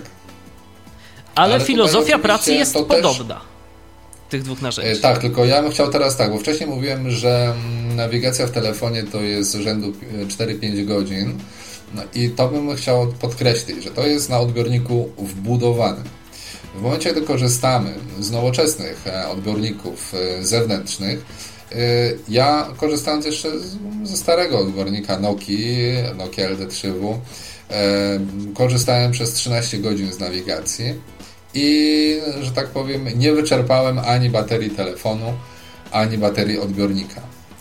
Także myślę, że tam górna granica przede wszystkim odbiornika, bo telefon by mi jeszcze troszkę wytrzymał, nie została osiągnięta. Myślę, że tutaj też trzeba wziąć pod uwagę mm, parę takich niuansów, o które nie trzeba dbać na przykład w nawigatorze, czyli albo przyciemnienie ekranu, albo odpowiednie mm, zablokowanie wygaszacza, albo minimalizowanie aplikacji, y, jeśli chcemy oczywiście zmaksymalizować y, czas pracy z Loadstone'em. Czy Oczywiście, sprawdzenie statusu prawda baterii też jest- bo odbiorniku niestety się tego nie dowiemy bez y, pomocy oka, Tak ile tej, na, tej baterii nam zostało, tak? Czyli to też jest ważne. Dokładnie. I jeszcze jedna y, rzecz, y, którą chciałem powiedzieć, ale która mi uciekła. Także tutaj w każdym razie mm, korzystanie z mm, Loadstone'a, jak i z nawigatora, jedno i drugie urządzenie, tak jak mówię, ma swoje plusy i minusy. I mm, ja nie podejmuję się rozsądzać, które jest lepsze. Loadstone nie ma mm, kompasu, na przykład, który jest doskonałym rozwiązaniem. E, Z kolei nawigator nie posiada możliwości takich jak na przykład narzędzia online, którymi ja Właśnie. osobiście w Loadstone jestem zachwycony. Um, I tak dalej, i tak dalej. Różnic jest y, sporo, ale chciałbym, żeby praktyk opowiedział nam, żebyśmy nie tylko my prowadzący mówili. Także, Rafale, słuchamy. Jak ty korzystasz na co dzień? Czy korzystasz z narzędzi offline, o których robiłeś e, podcast notabene? I czy korzystasz z narzędzi online? Znaczy, teraz to bywa różnie, przyznam się szczerze. Generalnie ostatnio zdaje się na żywioł i po prostu y, jak muszę, to w, w, korzystam z tego wszystkiego w trakcie. Także no już nie przygotowywuję sobie y, dokładnych tras, jak to miało miejsce kiedyś, co zresztą demonstrowałem swego czasu na podcaście, ale właśnie jest taka możliwość, że mm, idziemy sobie z punktu A do punktu B. Y, W programie Loadstone y, uruchamiamy tak zwane nagrywanie loga. Log z przebytej przez nas drogi się zapisuje, a my go później na komputerze już spokojnie w domu przerabiamy na trasę, która jest, y, która jest do, użytku, do użytku w programie Loadstone. I trasa wygląda w ten sposób, że y, Loadstone mówi nam, jesteś w punkcie 1, kieruj się na wschód do punktu 2, oddalonego o 100 metrów na przykład. I teraz y, nasz, naszym zadaniem jest zorientowanie się, gdzie mniej więcej jest ten wschód. Jeżeli już ten wschód odnajdziemy, no to idziemy i słyszymy komunikat, zbliżasz się do punktu 2, y, skręć w prawo na godzinę drugą, do punktu oddalonego tam o 200 metrów. No to tak ja się jeszcze te- zapytam, to ja się jeszcze zapytam, w jaki sposób e, i czy w ogóle nam Loadstone e, pomoże na przykład w odnalezieniu tego wschodu. Czy tu już musimy po prostu Nie, nie, tu już musimy się błędów? ruszyć y, kilkanaście, kilkadziesiąt, no my, dobra, kilkadziesiąt metrów przejść, y, zobaczyć sobie kierunek, y, w jakim się poruszamy na, y, w programie Loadstone i na tej, y, na tej zasadzie się Bo określić. podobnie Przynajmniej jak ja to w tak robię. nawigatorze, w Loadstone też pozycja dopiero będzie podawana w momencie, gdy się ruszamy.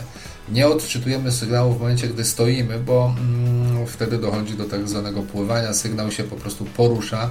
W, w nawigatorze jest to zablokowana opcja, przynajmniej jeśli korzystamy z kompasu, żebyśmy nie byli wprowadzani w błąd. Mm, Loadstone e, w tym momencie czasami może nam e, opowiadać różne dziwne rzeczy, dlatego pozycję określamy tylko w marszu, tylko w ruchu.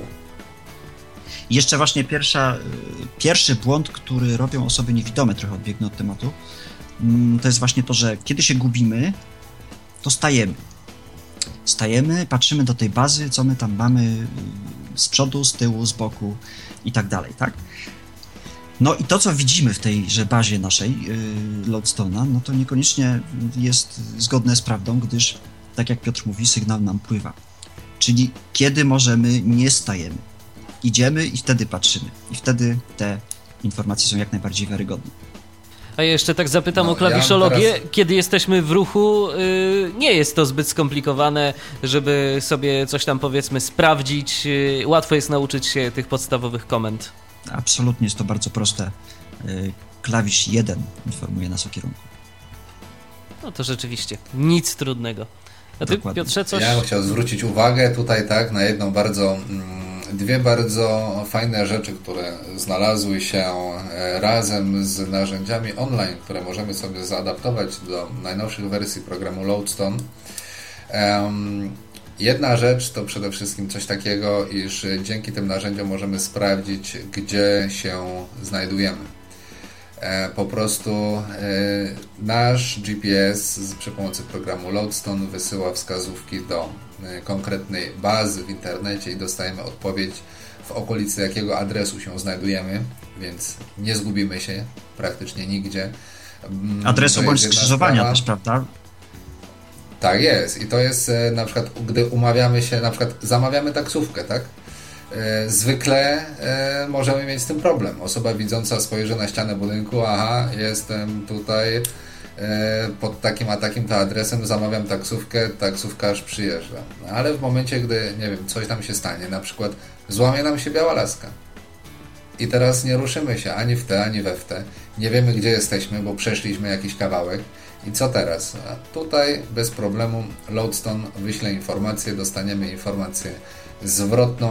Jesteśmy pod takim a takim adresem, możemy zamówić taksówkę, e, powiedzieć kierowcy, żeby wypatrywał niewidomego z połamaną białą laską i wtedy mamy dużą szansę, że nas, e, że nas e, szybko Znajdzie. znajdzie. Mam jeszcze informację, którą napisał mi y, Tomek odnośnie kompasu, że w najnowszych wersjach Loadstona ta funkcja jest wprowadzana, no i że będzie można, a, albo chyba nawet już Tak, można tak, stając y, sprawdzić kierunek. Tak, ale to myślę, że może Roman się niezbyt precyzyjnie wyraził, ponieważ e, Roman miał na myśli. Ale Będzie- tu chodzi o Loadstona, Piotrze, nie o nawigatora, o Loadstona. Tak, tak, ale Loadstone będzie posiadał kompas programowy, który będzie wyciągał informacje z naszego pozałożenia i naszego ruchu. A Roman e, oprócz tego kompasu, o którym wspominał, że wciskając klawisz 0 możemy sobie ustalić kierunek, w którym będziemy podążać, to napomknął też, że w najnowsza wersja nawigatora będzie posiadała prawdziwy kompas, z którego osoba niewidoma będzie mogła korzystać. I tutaj na przykład to, o czym wspomniał Rafał, nie będzie potrzeby konieczności przejścia kilkunastu, kilkudziesięciu metrów w celu określenia kierunku stron świata, tylko po prostu stojąc w miejscu będziemy mogli to określić e, bardzo dokładnie.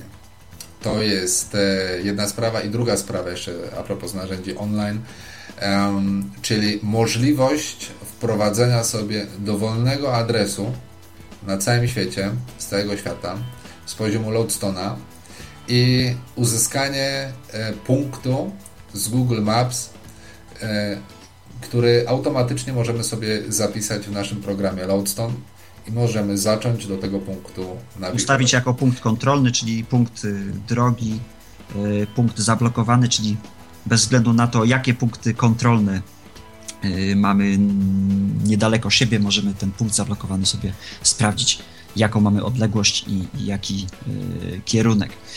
Jeszcze tak szybko, żeby nie przedłużając, powiem y, o mm, kolejnym elemencie narzędzi offline, czyli OSM, OpenStreetMap.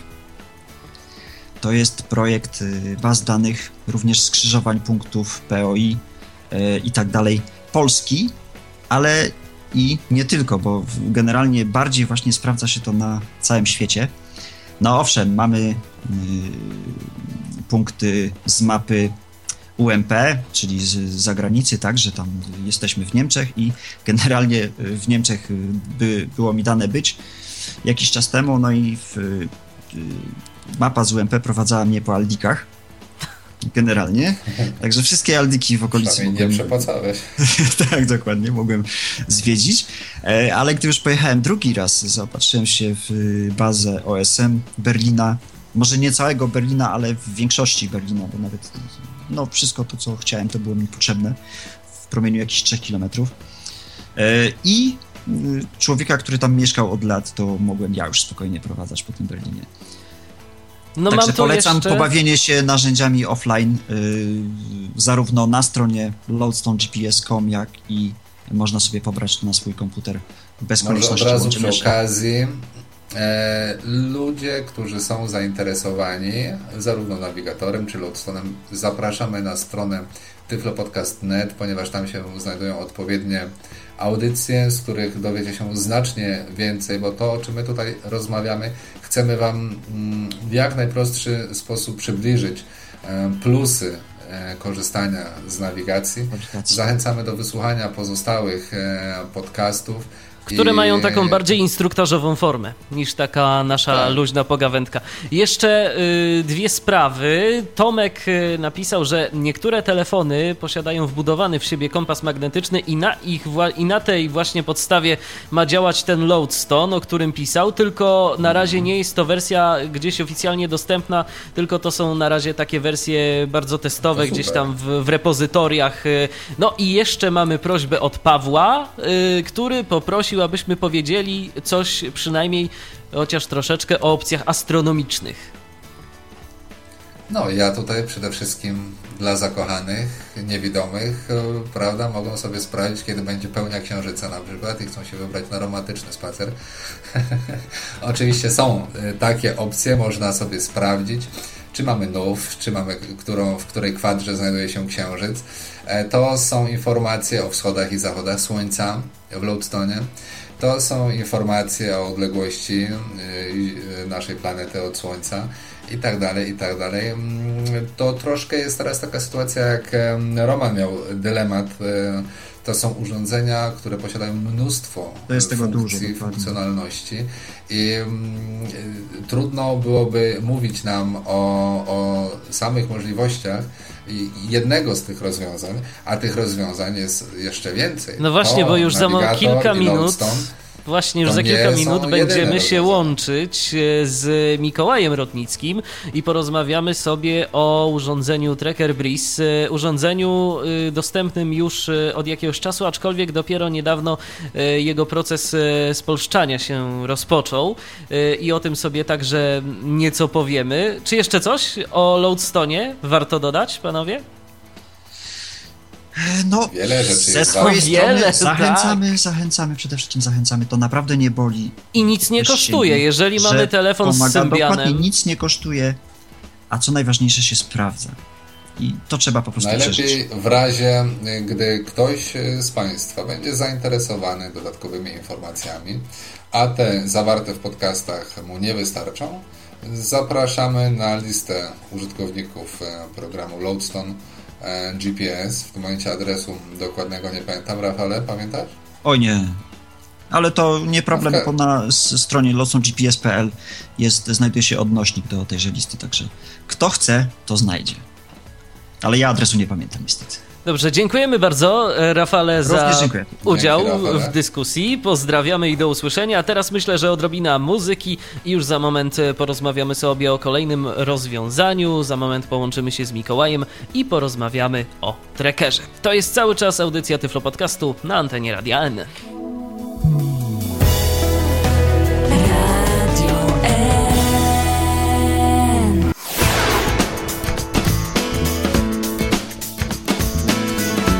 Cały czas słuchacie audycji Tyflo Podcastu na antenie Radia N. Dziś rozmawiamy o technologii GPS, o wykorzystaniu tej technologii przez osoby niewidome. Łączymy się z kolejnym gościem naszej dzisiejszej audycji. E, Witamy Mikołaja Rotnickiego. Cześć Mikołaju. Cześć wszystkim, witam. Mikołaj z tej strony, z Poznania. Rozmawialiśmy już o różnych urządzeniach, e, teraz porozmawiamy sobie o kolejnym e, i to dosyć nowym sprzęcie. On jest e, już na świecie obecny przez dwa lata, dobrze pamiętam? Czy trzy? Jeżeli nie trochę dłużej. No właśnie, ale w Polsce jak na razie to pierwsze jaskółki. Ja myślę, że na dobry początek wysłuchamy krótkiej demonstracji, która zresztą ukazała się również e, w audycji Sygnały Świata na antenie mm, Polskiego Radia Merkury. To jest stacja Polskiego Radia w Poznaniu. Ty dla tej audycji właśnie nagrałeś między innymi taką demonstrację. Teraz posłuchajmy fragmentu, jak w ogóle tracker się zachowuje, a później myślę porozmawiamy o tym, co to urządzenie w ogóle ogóle potrafi. Ulica Głogowska na wprost i ulica bez nazwy po twojej prawej. Co znajduje się w okolicy? Trzy elementów. Dom książki. Księgarnia. Plus sklep obuwniczy. Kierunek południowy zachód. Blisko ulica Głogowska 47. Następne skrzyżowanie za 12 metrów, cztery drogi ulica Głogowska z ulica Kanałowa po twojej lewej, ulica Głogowska na wprost i ulica bez nazwy po twojej prawej, ulica Ryszarda Berwińskiego na wprost i ulica Głogowska po twojej prawej. No, czyli już wiemy, że jesteśmy bliżej tej ulicy, e, że przeszliśmy w kierunku tutaj ulicy Berwińskiego, ale spróbujemy, żeby on nas zaprowadził do... Wybór drogi. Eksploruj. Momencik. Info. Trzy elementy. Spróbujemy tak. Wybierz punkt orientacyjny jako cel. Teraz przejrzymy, jakie mają punkty do, do 24 wyboru. punkt orientacyjny. Kiosk ruchu. To nie. Początek ulicy Szczytnickiej. Osiedle Piastowskie 120. Praca. Schody. Biblioteka dla niewidomych. To są akurat punkty, które ja sobie wcześniej zapamiętałem, nagrałem w urządzeniu. Ręgierz. Ratusz. Makieta Starego Rynku. No i właśnie, tak brzmiał tracker. Usłyszeliśmy także Mikołaja, y, który mm, nagrywał głosowe opisy do tych punktów. A teraz, no właśnie, co to tak w praktyce oznacza? Jak może wygląda to urządzenie na dobry początek? No więc tak, e, Tracker Breeze, e, teraz odróżnienie też od Trackera, ponieważ on ma jeszcze swojego takiego starszego, większego brata, jest troszeczkę starsze urządzenie Tracker, ma o wiele więcej przycisków i e, jest troszeczkę bardziej skomplikowane, natomiast Tracker Breeze z urządzeniem mniejszym wygląda mniej więcej jak taki nieco przerośnięty, nieco gruby pilot do telewizora, jednak nie taki, który ma tych przycisków mnóstwo, bo przycisków na trackerze Breeze jest zaledwie 9 plus e, włącznik, wyłącznik i e, pokrętło do z- zwiększania i zmniejszania głośności. Także urządzenie jest nieduże. No i także rozmiar, y, a właściwie y, ilość tych przycisków chyba nie będzie nastręczała trudności w zapamiętaniu, co do czego służy. Tak, urządzenie właśnie zostało zaprojektowane z myślą o osobach, które y, swoją przygodę z nawigacją satelitarną chcą dopiero zacząć i mogą bać się powiedzmy takich trudniejszych rozwiązań, które mają mnóstwo przycisków. Tutaj jest akurat przycisków 9, jak wspomniałem. Y, I co to urządzenie może? Y, Może na wstępie troszeczkę się odwołam do tego, co było wcześniej powiedziane o Loadstone i nawigatorze, które są urządzeniami bazującymi, jak wspomnieliście, na y, punktach, tak? czyli są po prostu konkretne punkty, konkretne współrzędne, konkretne nazwy do nich przypisane. Natomiast Tracker Breeze e, jest urządzeniem, które bazuje przede wszystkim na mapach i e, siatce dróg, tak? Oczywiście są to dane pochodzące oryginalnie gdzieś tam z nawigacji samochodowych, więc tutaj można by powiedzieć, że jest swego rodzaju nawiązanie do tego, na czym bazowało to rozwiązanie o nazwie Wayfinder Access. Y, Podobne, podobne dane, natomiast tutaj y, y, urządzenie nie łączy się z internetem, zresztą nawet nie ma możliwości łączenia się z internetem. Wszystkie dane, wszystkie y, informacje o zarówno y, punktach POI, jak i siatce dróg y, z danego y, rejonu przechowywane są na karcie pamięci. I teraz tak. y, Jaka jest ilość, Mikołaju, tych punktów? Jaka jest wielkość tych map? Czy one obejmują cały nasz kraj? Y, W przypadku y, tutaj to jest chyba regionami. Jeżeli dobrze pamiętam, jest to wgrywane regionami, także y, w przypadku tutaj naszego regionu to jest i Polska, i ościenne kraje. Jeżeli dobrze, jeżeli dobrze pamiętam, ja miałem taką testową wersję jeszcze tych map, ponieważ to było urządzenie wypożyczone mi do testów. E, Jeżeli dobrze właśnie pamiętam, to, to jest to nasz tutaj region Europy Środkowej i, i, i, i Wschodniej. Tak mniej więcej to wygląda. E, urządzenie jest dosyć proste w obsłudze, zresztą też z samego założenia. E, różnica jest w porównaniu z poprzednimi jest również taka, że punkty, które my sobie tworzymy, tworzymy je przede wszystkim głosowo, czyli wciskamy dłużej przycisk nagrywania czy zaznaczania punktu i wypowiadamy notatkę głosową, która e, się nagrywa i z nią jest skojarzone są współrzędne tego punktu. Następnie po tych punktach możemy e, sobie przechodzić, tak, od jednego do drugiego. Natomiast e, to, co e, powiedziałem wcześniej, urządzenie w sobie zawiera mapy i siatkę dróg, po której może prowadzić, czyli możemy wpisać adres, który nas konkretnie interesuje, tak, nazwę miasta, potem wybieramy ulicę i konkretny adres i e, urządzenie może nas po tej siatce dróg prowadzić, tak? czyli od punktu do punktu, podobnie jak nawigacja mm, samochodowa. Dajemy, zadajemy konkretny punkt i nie martwimy się o to, czy między naszą aktualną pozycją a tym docelowym punktem zgromadziliśmy wcześniej jakieś docenne punkty. Po prostu urządzenie korzysta już z wbudowanej mapy. I podobnie jak to było na tej prezentacji, y, nie wiem czy było dobrze słychać, ale y, w każdym razie informuje nas o nazwie ulicy, którą aktualnie idziemy, y, informuje nas ile jeszcze mamy metrów do No przejścia. chyba, że nie jest to ulica bez nazwy. Bo... Chyba, że nie jest to właśnie. Tam się zdarzyło taka, taka informacja, że jest ulica bez nazwy. Y, te, te informacje, y, które się czasami pojawiają, ulica bez nazwy, związane są z tym, że dane pochodzą z map właśnie samochodowych, które powiedzmy w niektórych miejscach, na przykład jeżeli to jest jakiś e, skręt, jeżeli to jest jakaś jedna nitka, która łączy drugą nitkę y, ulicy, tak, albo jakieś rondo, to on traktuje takie wewnętrzne, powiedzmy, połączenia między tymi drogami jako ulice bez nazwy, dopiero rozchodzące się gdzieś promieniście od, od skrzyżowań ulice mają swoje nazwy. A ja mam takie pytanie, jak z aktualizacją tych map? Y, Bo no wiadomo, że to się wszystko zmienia. y, No i teraz y, czy producent w miarę często, czy orientujesz się, że aktualizuje te mapy? Jak to jest? Czy na przykład trzeba sobie. Na przykład w nawigacjach samochodowych jest tak, że mamy sobie, możemy sobie dosyć często wykupić jakąś powiedzmy subskrypcję i za jakąś tam opłatą roczną na przykład y, mamy dostęp do aktualizacji map. Y, Jak to rozwiązane jest y, w przypadku Tracker Breeze? W tym przypadku na pewno mapy trzeba sobie y, dogrywać y, na karcie pamięci, tak, czyli otrzymywać je y, albo od dystrybutora tych map, czyli tutaj dystrybutora w ogóle samego urządzenia firmy Harpo. Natomiast jak to wygląda z aktualnością, trudno jest mi powiedzieć i z odpłatnością. Jedyną rzeczą, którą udało mi się co do powiedzmy dostawcy map dowiedzieć, to że jest to firma e, Naftek, czyli ta, którą jakiś czas temu e, bodajże e, przejęła Nokia, czyli podobne są to informacje jak w produkcie Ovi Maps. No właśnie, o VMAPS mam nadzieję, że uda nam się jeszcze dziś e, także porozmawiać, chociażby przez chwileczkę. E, Miejmy nadzieję, że ktoś jeszcze do nas tu zadzwoni, e, kto z tego właśnie korzysta, ale zapytam o wrażenia, Mikołaju, twoje chodzenia z Tracker Breezem. Intuicyjne, proste, doprowadza do celu?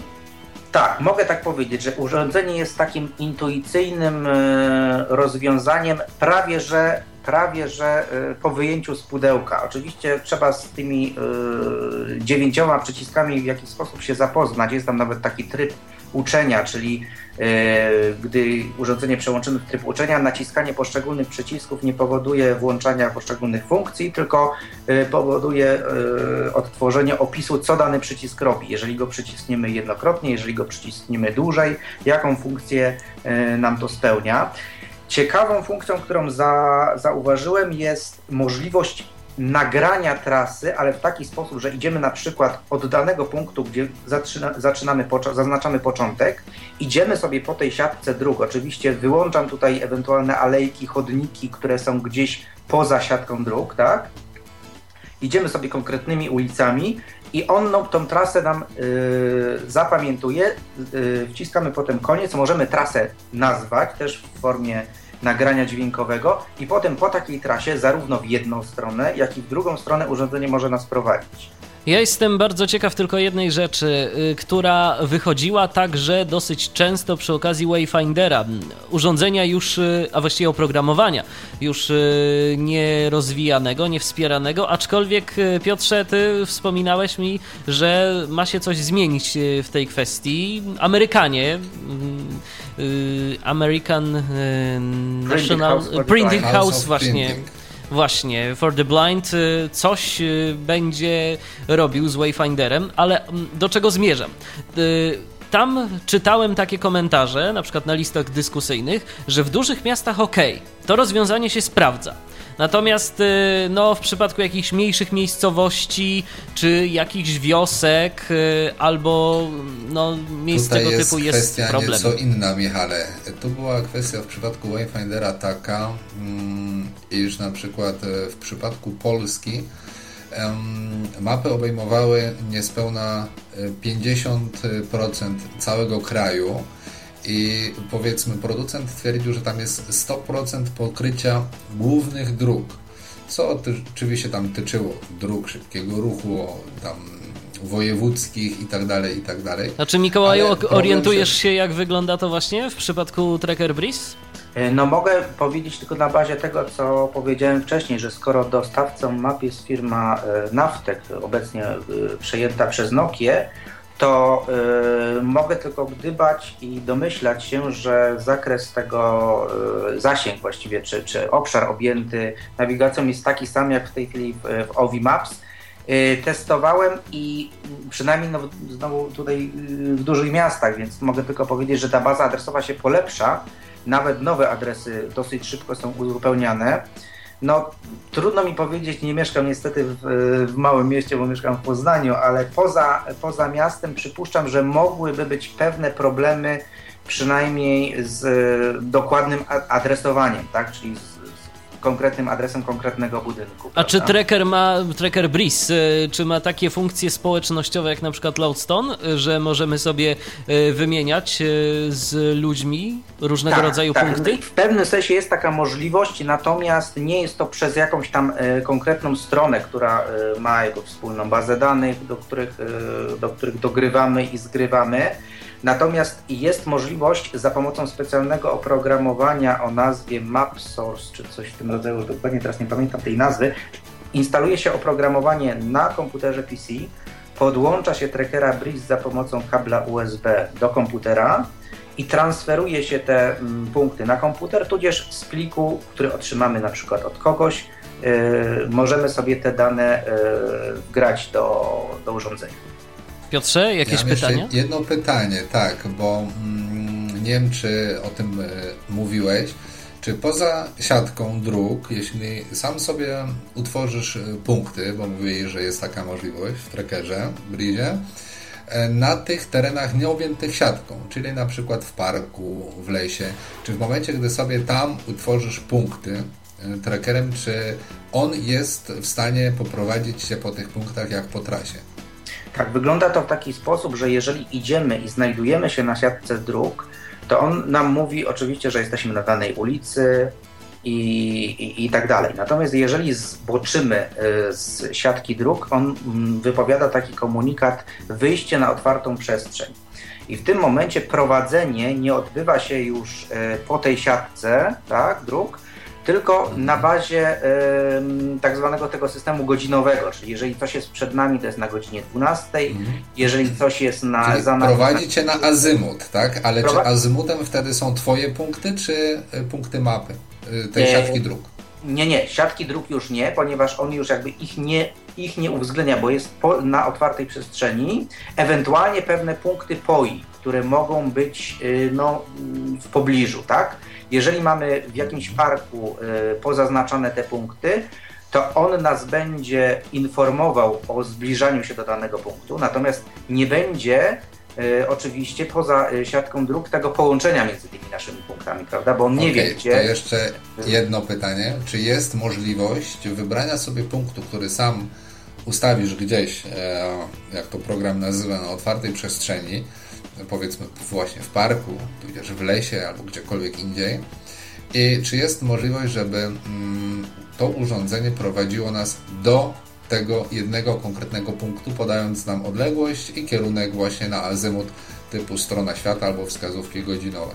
No właśnie, wszystko zależy od tego, czy w danym momencie jesteśmy na siatce dróg, czy nie. Jeżeli jesteśmy na siatce dróg, to ja yy, przypuszczam, że urządzenie będzie nas prowadziło tak długo, aż może po ulicach, a potem w pewnym momencie, tak, powie, że dany punkt znajduje się już w pobliżu, ale poza siatką dróg, tak, i będzie dalej nas do niego kierowało już potem już na azymut. A ja mam pytanie, czy znana jest y, już może cena tego urządzenia w Polsce? Czy ono jeszcze jest w fazie tłumaczenia, czy już jest dostępne? Y, Dostępne jest. Tłumaczenie przypuszczam, że już jest y, na ukończeniu. Ciekawostką jest to, że ten, to urządzenie w sobie posiada syntezę mowy Agatę, czyli vocalizer na pokładzie. I może czytać wszelkiego rodzaju teksty do niego wprowadzone, nazwy punktów, tym syntezatorem mowy też. Y, Urządzenie w tej chwili, z tego co ostatnio sprawdzałem na, na stronie dystrybutora firmy Harpo, kosztuje te, 3499 zł, czyli właściwie 3500 zł. Czyli tak mniej więcej y, jak nawigator, a jak z aktualizacjami? Jakiś też już jest cennik? Na przykład jeżeli powiedzmy za jakiś czas ukażą się nowe mapy, coś y, Nie, takiego cennika Mhm. jeszcze, jeszcze nie sprawdziłem. Natomiast chciałbym jeszcze o jednej e, rzeczy powiedzieć w przypadku trackera Breeze. E, Ciekawą funkcję, ponieważ on może zarówno nas prowadzić, jeżeli jesteśmy, e, poruszamy się pieszo, jak również gdy poruszamy się e, w samochodzie czy w środkach komunikacji miejskiej. Urządzenie automatycznie na podstawie analizy naszej prędkości, czyli powiedzmy, jeżeli idziemy pieszo, to poruszamy się z prędkością powiedzmy 3-4, góra 5 km na godzinę. Gdy wsiadamy do samochodu, tramwaju czy autobusu, czy no, z pociągami może być y, gorzej, ponieważ y, siatka dróg nie obejmuje sieci kolejowych, akurat jeszcze w przypadku Trekkera Breeze, ale jeżeli jedziemy na przykład tramwajem czy, czy autobusem, y, on to automatycznie wykrywa i w pewien sposób modyfikuje komunikaty, które oznajmiają nam o naszym otoczeniu. Jeżeli idziemy pieszo i zbliżamy się do jakiegoś skrzyżowania, to on nam mówi cztery skrzyżowane drogi. Na wprost ulica taka, na lewo ulica taka, w prawo ulica taka, a my jesteśmy na ulicy takiej, jeżeli idziemy pieszo. Natomiast jeżeli wsiądziemy do, do autobusu na przykład i zbliżamy się do tego samego skrzyżowania, to on już nie będzie nas y, y, informował nadmiarem informacji y, w stylu, że jest to skrzyżowanie czterech dróg, tylko będzie nas informował o przejeżdżanych przecznicach. Czyli tak jak, y, żeby po prostu autobus, który jedzie z, z pewną prędkością i urządzenie, które y, powiedzmy wieziemy ze sobą, żeby mogło nadążyć, prawda? Bo autobus jednak z większą prędkością się porusza niż osoby pieszo i poza tym informacja taka, y, jak wygląda idealnie to skrzyżowanie, przez które i tak przejeżdżamy, nie jest akurat tutaj potrzebna, a potrzebniejsze są bardziej mijane przecznice. Wszystko się zgadza. No, ciekawe urządzenie. Y, Zobaczymy, jak się przyjmie u nas y, w Polsce i przede wszystkim, no, jak będzie z tymi mapami. Miejmy nadzieję, no, że skoro w tym momencie Nokia również y, coś ma z tym wspólnego, że będzie dobrze. Ja chciałem jeszcze jedną rzecz aha. dodać na koniec, ponieważ jeszcze przed, przed moim wejściem było pytanie, jaki jest adres grupy Loadstone'a. Tak się akurat zdarzyło, że mam okazję nią administrować. Jest to loadstone, myślnik polska, małpa, googlegroups.com. Tak, piszę, taki to jest adres, ale też niemniej jednak na stronie www.loadstone-gps.pl można sprawdzić adres.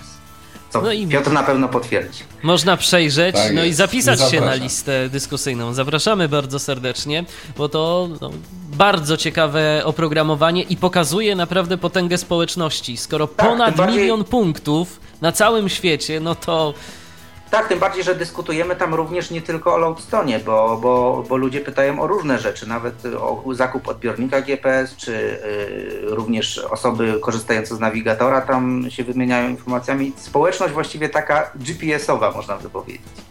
Zgadza się. Dziękujemy Ci bardzo, Mikołaju, za rozmowę. Dzięki, Do Mikołaj. usłyszenia. Jeszcze chwila do godziny 21 nam została. Eee, To co, Piotrze, powoli będziemy chyba podsumowywać e, tą naszą Ja dzisiejszą bym audycję. jeszcze tutaj chciał wspomnieć o jednej rzeczy, o jednym rozwiązaniu, o którym wspominaliśmy, że ożywiło ostatnio nieco e, ludzi e, chcących korzystać e, z GPS-u, czyli o OVMapach. Może ktoś jeszcze zadzwoni z jakimś komentarzem, jeśli nie, no to ja parę słów na temat korzystania z OVMaps e, mogę powiedzieć, jak to wygląda, jak tego programu używać. Jeśli pozwolisz. Oczywiście, że tak. No słucham, bo tak jak nawet kiedyś rozmawialiśmy o tym, że byś może potestował troszeczkę to oprogramowanie, udało się. jak rozumiem. E, Udało się potestować troszeczkę, bo niestety ostatnio e, czasu miałem na testy niewiele. E, Miałem nadzieję, że przed tą audycją uda mi się troszkę pobawić. Niestety nie w takim zakresie, w jakim bym chciał, ale przede wszystkim, co to jest OVMap? E, OV Maps jest to mm, aplikacja mapy. Jest to aplikacja darmowa w odróżnieniu od aplikacji Nokia Maps, która była kiedyś dołączana do mm, telefonów głównie z serii Navigator. Em, OV Maps e, jest obecnie w wielu, wielu telefonach e, fińskiego producenta i to już praktycznie od e, w sumie nie najmłodszego modelu mm, E66 się zaczęło. Tych modeli praktycznie każdy nowy telefon Nokii, mm, który ma wbudowany odbiornik GPS, posiada OVI Maps. Mm, Program, e, chodząc po menu naszego telefonu, znajdziemy go pod nazwą po prostu mapy. I teraz jak to działa? E, Ponieważ program e, pojawił się już jakiś czas temu, em, pojawiło się też zainteresowanie tym programem ze strony osób niewidomych i producenci oprogramowania mówiącego, ponieważ to, to są telefony Nokia, więc tutaj mm, Mobile Speak, jak i Talks, oba programy działające na tych telefonach, zostały po pewnym czasie mm, przystosowane do współpracy z tą e, aplikacją mapy. One mm, niestety współpracują różnie, em, mają pewne mm, ograniczenia. Nie wszystkie opcje są e, czytane, co nie znaczy, że nawigowanie jest niemożliwe, bo oczywiście jest możliwe. Zarówno na- najnowsza wersja programu TOX, jak i Mobile Speak em, udźwiękawiają e, aplikację OVI Mapy. I jak e, to wygląda? No, przede wszystkim e, aplikacja jest bardzo prosta, e, jest bardzo intuicyjna. Um, możemy z niej korzystać na dwa sposoby. Pierwszy polega na tym, że pobieramy sobie mapy zawczasu na nasz telefon, na kartę pamięci naszego telefonu przy pomocy e, aplikacji Nokia Map Loader i w tym momencie mamy e, mapy za darmo. A jak te mapy są podzielone, jeszcze tak wypadku- zapytam? To są miasta, to są kraje, to są. To są krajami podzielone są mapy. Aha, czyli E, ładujemy więc- sobie mapę na przykład na całą Polskę. Tak, tak. I tam już mamy y, wszystko, że tak powiem. Co dalej? E, drugi sposób jest taki, że w momencie, gdy mm, włączamy e, tą aplikację mapy, mm, telefon nasz łączy się z internetem i niezbędne dane pobiera z serwerów Nokii. E, To nie są jakieś ogromne koszta. Mm, Jeśli ktoś ma jakiś niewielki chociażby abonament na połączenie z internetem w ramach e, swojego abonamentu, myślę, że mm, w zupełności mu wystarczy. I e, teraz e, sama aplikacja. Po włączeniu mamy parę dosłownie ikon, które są bardzo intuicyjne. Możemy sobie wybrać dokładnie piąta, szósta pozycja, nawigacja samochodowa, tudzież kolejna nawigacja pieszo. Po wybraniu tej opcji wpisujemy po prostu e, adres, do jakiego chcielibyśmy się udać, nazwę miasta, e, dajemy klawisz wyboru i program pyta nas, e, czy nas ma prowadzić właśnie albo pieszo, albo samochodem. Wybieramy formę, która nas interesuje i jesteśmy prowadzeni. Oczywiście opcji jest więcej. Możemy być prowadzeni albo po siatce dróg, tak jak Mikołaj mówił, że działa Tracker Breeze, albo możemy być e, prowadzeni na azymut, czyli mm, dostajemy informację, e, w którym kierunku iść i jak daleko jesteśmy od danego punktu. Ja mm, program Ovi Maps e, sprawdzałem, testowałem z programem Mobile Speak. Mobile Speak oznajmia nam sam, jak daleko jesteśmy, czyli korzysta z syntezy samego programu Mobile Speak, informując nas, jak daleko jesteśmy od danego miejsca i tak dalej. Niestety na niektórych telefonach Ovi mapy działają różnie i jednych program informuje na przykład do jakiej ulicy dochodzimy, czy jaką ulicą idziemy, w jaką ulicę mamy skręcić. W innych telefonach nie. I to jest uzależnione od wersji firmware'u, e, czyli oprogramowania naszego telefonu, więc to po prostu musimy sprawdzić. Często niestety przez to, że y, praktycznie każdy model telefonu różni się oprogramowaniem, te OVI mapy mogą działać różnie. Tak więc y, atutem tej aplikacji jest przede wszystkim to, że nie licząc połączenia internetowego, jest to aplikacja darmowa, jeśli już ją posiadamy w telefonie. A jeszcze tak zapytam, tak w przypadku samo... tej darmowej opcji, o której wspominałeś, że możemy sobie załadować e, mapę do telefonu, jak rozumiem, możemy to zrobić na kartę pamięci. I jaki jest e, rozmiar takiej mapy? No to oczywiście zależy od e, ilości danych, jakie pobieramy. Czy jest to jeden kraj, poza tym zależy to od kraju, prawda? Jeśli trudno jest porównywać. Ale tak mniej więcej, no bo wiadomo, że raczej. Estonię, Polskę i, i Niemcy, tak? No zgadza się. Bez porównania tych punktów Estonii będzie mniej niż w Niemczech. No ale to jest kilkadziesiąt, co najmniej kilkadziesiąt megabajtów na taki kraj jak Polska. Wydaje mi się, że jeśli mm, swego czasu, gdy jeszcze korzystałem z aplikacji Nokia Maps, a nie Ovi Maps, to mm, posiadałem e, mapy ościennych krajów, e, tutaj głównie Słowacja, e, Czechy i Niemcy, oczywiście łącznie z Polską.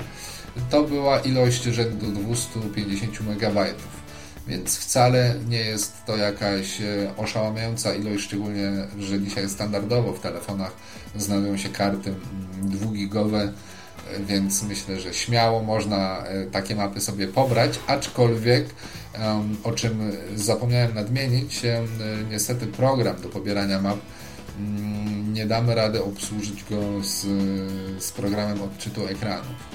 Tutaj musimy poprosić osobę widzącą, aby wskazała nam dany obszar, który, no i mamy... który chcemy sobie pobrać. Mamy telefon. Piotr do nas się dodzwonił. Witaj Piotrze. Halo? No niestety, jakiś e, problem zdaje się mieliśmy na łączu, a szkoda, ale spróbujemy się z Piotrem może jeszcze raz połączyć, bo o ile dobrze pamiętam, to właśnie e, z Piotrem moglibyśmy także jeszcze o y, mapach Noki porozmawiać. Jeżeli nam się uda połączyć, no to bardzo, to bardzo fajnie. O, halo? Halo? No dzień dobry Piotrze. Witaj Piotrze. E, ja nawiążę, może nawiążę do tego, co słychać mnie. Halo, halo. Słychać cię bardzo dobrze. Słychać, Jest słychać. w porządku. Tylko musisz nas słuchać e, nie przez e, na przykład Winampa, tylko bezpośrednio, yy, jak mówimy do ciebie na Skype'ie. No to już teraz jest lepiej. Okej. No to słyszymy się, zatem słuchamy. Co nam ciekawego powiesz? E, nawiązując do wypowiedzi Piotra, mm, może wkrada się pewna taka nieścisłość, ponieważ w momencie korzystania z e, aplikacji Ovi Mapy mamy owszem możliwość do wyboru poruszanie się autem, poruszanie się pieszo, tylko że no niestety po wyborze, po wyborze tej opcji mamy zapytanie. Po pierwsze, czy nie, nie wyszukujemy niestety od razu, co jest bardzo złe moim zdaniem, bo e, pierwsza jaka opcja powinna być, to jest rzeczywiście, to powinna być opcja wyszukiwania. Natomiast tutaj w przypadku zarówno opcji pieszej, jak i autem mamy do wyboru trzy bodajże opcje. Jedna to jest autem do domu, czyli jeżeli w ustawieniach tej e, aplikacji Ovi Maps e, s- m, ustawiliśmy, że naszym domem jest, nie wiem, ulica Ogrodowa 5 i mapy nam to znalazły, no to w tym momencie będąc, nie wiem, w jakimś w Warszawie, możemy sobie spokojnie na piechotę z Warszawy do tej Ogrodowej 5, prawda, dojść, no ale wiadomo, czy autem dojechać, czy na pieszo dojść, to jest ale e, to jest pierwsza opcja do domu. Druga opcja to jest wybierz miejsce. I tu rzeczywiście po wyborze tej opcji mamy do wyboru albo wy, wybranie miejsca z ulubionych, bo też oczywiście w tej całej aplikacji jest opcja ulubione, gdzie sobie wszystkie Z historii. możliwe, tak, dokładnie, no, albo z historii też faktycznie. Chociaż to nie działa zawsze, ze swojego własne, własnego doświadczenia wiem. No i z mapy, która jest kompletnie nieprzydatna dla nas jako osoby, osób niewidomych. Bo z map, z mapy nie korzystamy, to jest się wybiera prawdopodobnie z, według moich informacji z mapy, która jest dostępna na wyświetlarzu. Natomiast e, osobna opcja wyszukaj jest rzeczywiście e, o, na, z głównego panelu dostępna z aplika w aplikacji OBI-mapy. Ona się znajduje, bo mm, ważna informacja jest dla osób niewidomych taka, że opcje w OBI-mapy są niepoukładane tak jak większość powiedzmy ludzi, których znam. Ja sam tak mam nie w formie listy, tylko w formie siatki, która jest e, poukładana mniej więcej trzy chyba opcje poziomo i cztery pionowo. To, to mniej więcej wychodzi 12 opcji, z czego e, te wszystkie pieszo i autem są zaraz po włączeniu, tak jak Piotr wcześniej powiedział. Natomiast znaczy, ja myślę, opcja... że to jest spowodowane głównie tym, Piotrze, że mm, nawigacja przewidziana jest jednak mm, Dla podstawowa jego, tak, do samochodów, żeby to było wygodniejsze korzystanie z ekranu dotykowego. Łatwiej się wtedy wszystkie ikony mieszczą na ekranie i kierowca sobie paluszkiem dotknie tu czy tam i wszystko ma To pod ręką, a my musimy tylko, niestety że- poklikać. Tylko, że Ovi Maps i, no, i Nokia Maps zostały jeszcze stworzone tak naprawdę, chyba że to już było w zamyśle twórców, że tak będzie, bo przecież one powstały zanim jeszcze weszły na rynek telefony dotykowe. I cały czas był jednak układ siatki. Natomiast opcja, do czego zmierzam? Opcja wyszukaj jest dostępna i wtedy, jeżeli wchodzimy w tą opcję wyszukaj, to tak jak wcześniej wspomniałeś, dokładnie jest tak, że wpisujemy nazwę ulicy, miejscowości, najlepiej w tej kolejności i potem albo klawisz wyboru, albo F1 wtedy nam mm, Ovi Maps wyszukuje pozycje, które odpowiadają ewentualnie adresowi, chociaż mi się różne już dziwne rzeczy zdarzały. Wpisałem sobie ulicę, numer i Kraków, a wyszukało mi tą ulicę w Warszawie, ale to jest nieistotne specjalnie. Ale nie próbowałeś, mam nadzieję, Piotrze, podążać za wskazówkami z Krakowa. No, na, bynajmniej nie na piechotę. No właśnie, ale tak I zapytam. to jest to, o czym wspominaliśmy.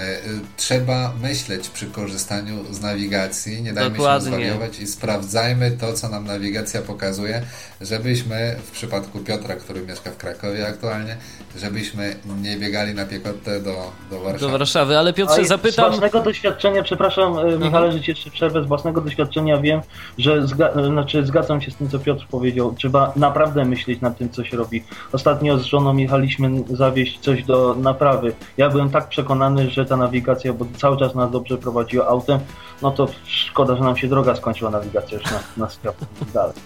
No bardzo ciekawe, ale Piotrze, tak zapytam o e, Ovi Maps. E, Czy twoim zdaniem, bo jak rozumiem używałeś tego e, nieco dłużej, czy twoim zdaniem to jest program, który może tak rzeczywiście osobie niewidomej pomóc? Czy to może być zastępstwo dla na przykład Loadstone'a, dla nawigatora, dla jakichś e, rzeczy tego typu, czy na razie to jeszcze nie jest ten etap?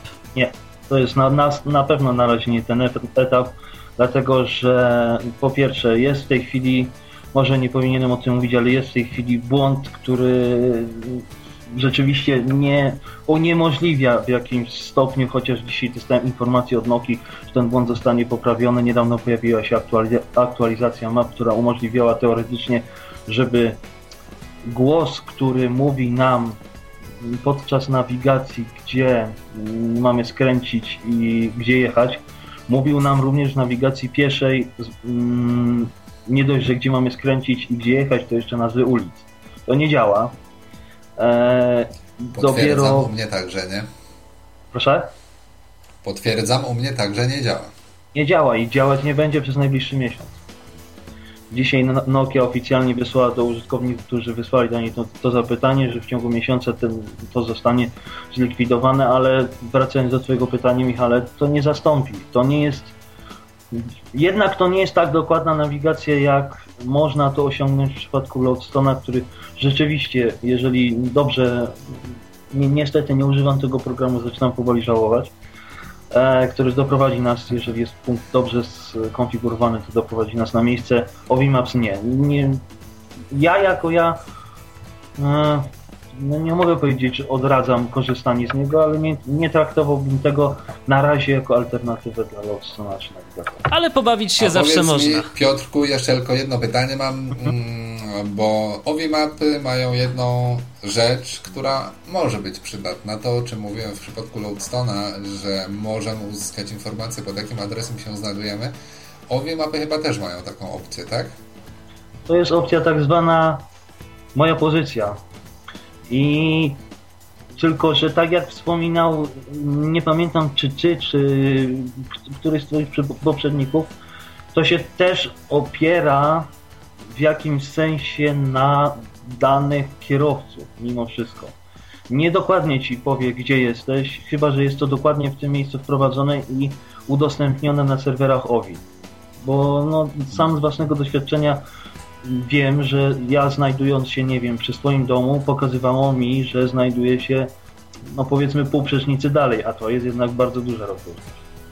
Niemniej jednak program, no można się pobawić, można potestować, ale zawsze warto mieć jeszcze jakiś e, inny zastępnik, e, także chociażby GPS-owy, bo różne rzeczy dziać się z tym mogą. Tak przynajmniej ja rozumiem e, twoje, Piotrze, mm, zdanie o, o VBAPS. Zgadza tak się? Naprawdę, tak naprawdę to, co ująłby, nie, ujął, nie ująłbym tego lepiej, gdyż no, Obimaps jest jednak stworzone dla osób stuprocentowo, że tak powiem, widzących. Nie było i nie będzie, myślę, tworzone pod kątem osób niewidomych. U, jakieś tam udoskonalenia może będą, ale jednak na nim bym się nie opierał i pozostał przy dobrym Loadstone, czy nawigatorze, czy jakiejś innej alternatywie. No nie, nie będę promował tutaj czegoś, ale obi mapy to warto się pobawić, warto sprawdzić, warto zobaczyć na, własne, mm, na własnej skórze. No i podzielić się ewentualnie z doświadczeniem kiedyś. Oczywiście. Dziękujemy Ci bardzo, Piotrze, Dzięki za wielkie, głos w dyskusji. za Pozdrawiamy, głos. do usłyszenia. Nie, dzięki. Godzina 21. O, już minęła. Czas kończyć e, nasze dzisiejsze spotkanie. E. Tak, tak. E, Docelowo miała być godzina, a dwie godziny to już jest zbyt mało, ale po prostu dzwonią do nas no, słuchacze, dzielą się tak ciekawymi wiadomościami, tak ciekawymi informacjami, że szkoda przerywać. Tematy są, myślę, że również interesujące. Piotrze, na podsumowanie. GPS tak, ale z głową. Zgodzisz się? Przede wszystkim z głową, głowa, e, po prostu róbmy z niej użytek. To nie jest tylko balast, żeby nas wiatr nie porwał. Naprawdę mm, korzystajmy z głowy, a zaraz potem korzystajmy z nawigacji, bo jest to przydatna rzecz.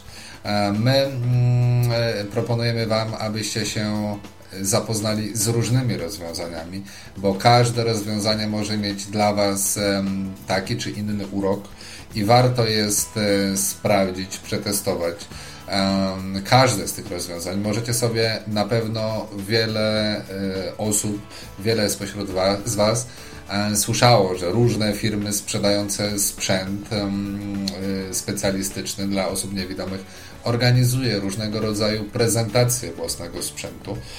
Wybierzcie się tam, zobaczcie jak działają urządzenia sprzętowe. Poproście, czy możecie wyjść z nimi przed budynek. E, Jeśli macie możliwość skorzystania, wypróbowania nawigacji Loadstone, e, jeśli posiadacie telefon z wbudowanym odbiornikiem, sprawdźcie jak to działa. Nie musicie od razu kupować odbiornika zewnętrznego e, i tak dalej, i tak dalej. A jeśli mielibyście jakieś pytania, zawsze możecie napisać na listę dyskusyjną Loadstone, gdzie jak e, wspomniał Mikołaj, nie tylko są użytkownicy Loadstone'a, ale także użytkownicy nawigatora Ovimap, a może w przyszłości także Trackera, ponieważ jest to nowe urządzenie, może i tacy się tam zjawią. Jeśli moglibyśmy Wam jakoś pomóc, na pewno to zrobimy. Kolejne spotkanie z Tyflo Podcastem na antenie Radia N już za tydzień po godzinie 19. Już teraz bardzo serdecznie zapraszam, a przypomnę, że dziś wspólnie z Piotrem Witkiem, no i oczywiście waszym nieocenionym udziałem, drodzy słuchacze, rozmawialiśmy o GPS, o technologii GPS, o tej technologii, która nie tylko przydaje się wojsku, nie tylko przydaje się kierowcom, przydaje się także osobom niewidomym. Dziękuję Ci bardzo, Piotrze, za wspólne poprowadzenie audycji. Dziękuję bardzo. Miłego Do wieczoru. usłyszenia. Michał Dziwisz, kłaniam się. My słyszymy się już za tydzień.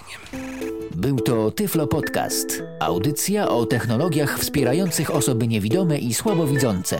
Audycja współfinansowana ze środków Państwowego Funduszu Rehabilitacji Osób Niepełnosprawnych.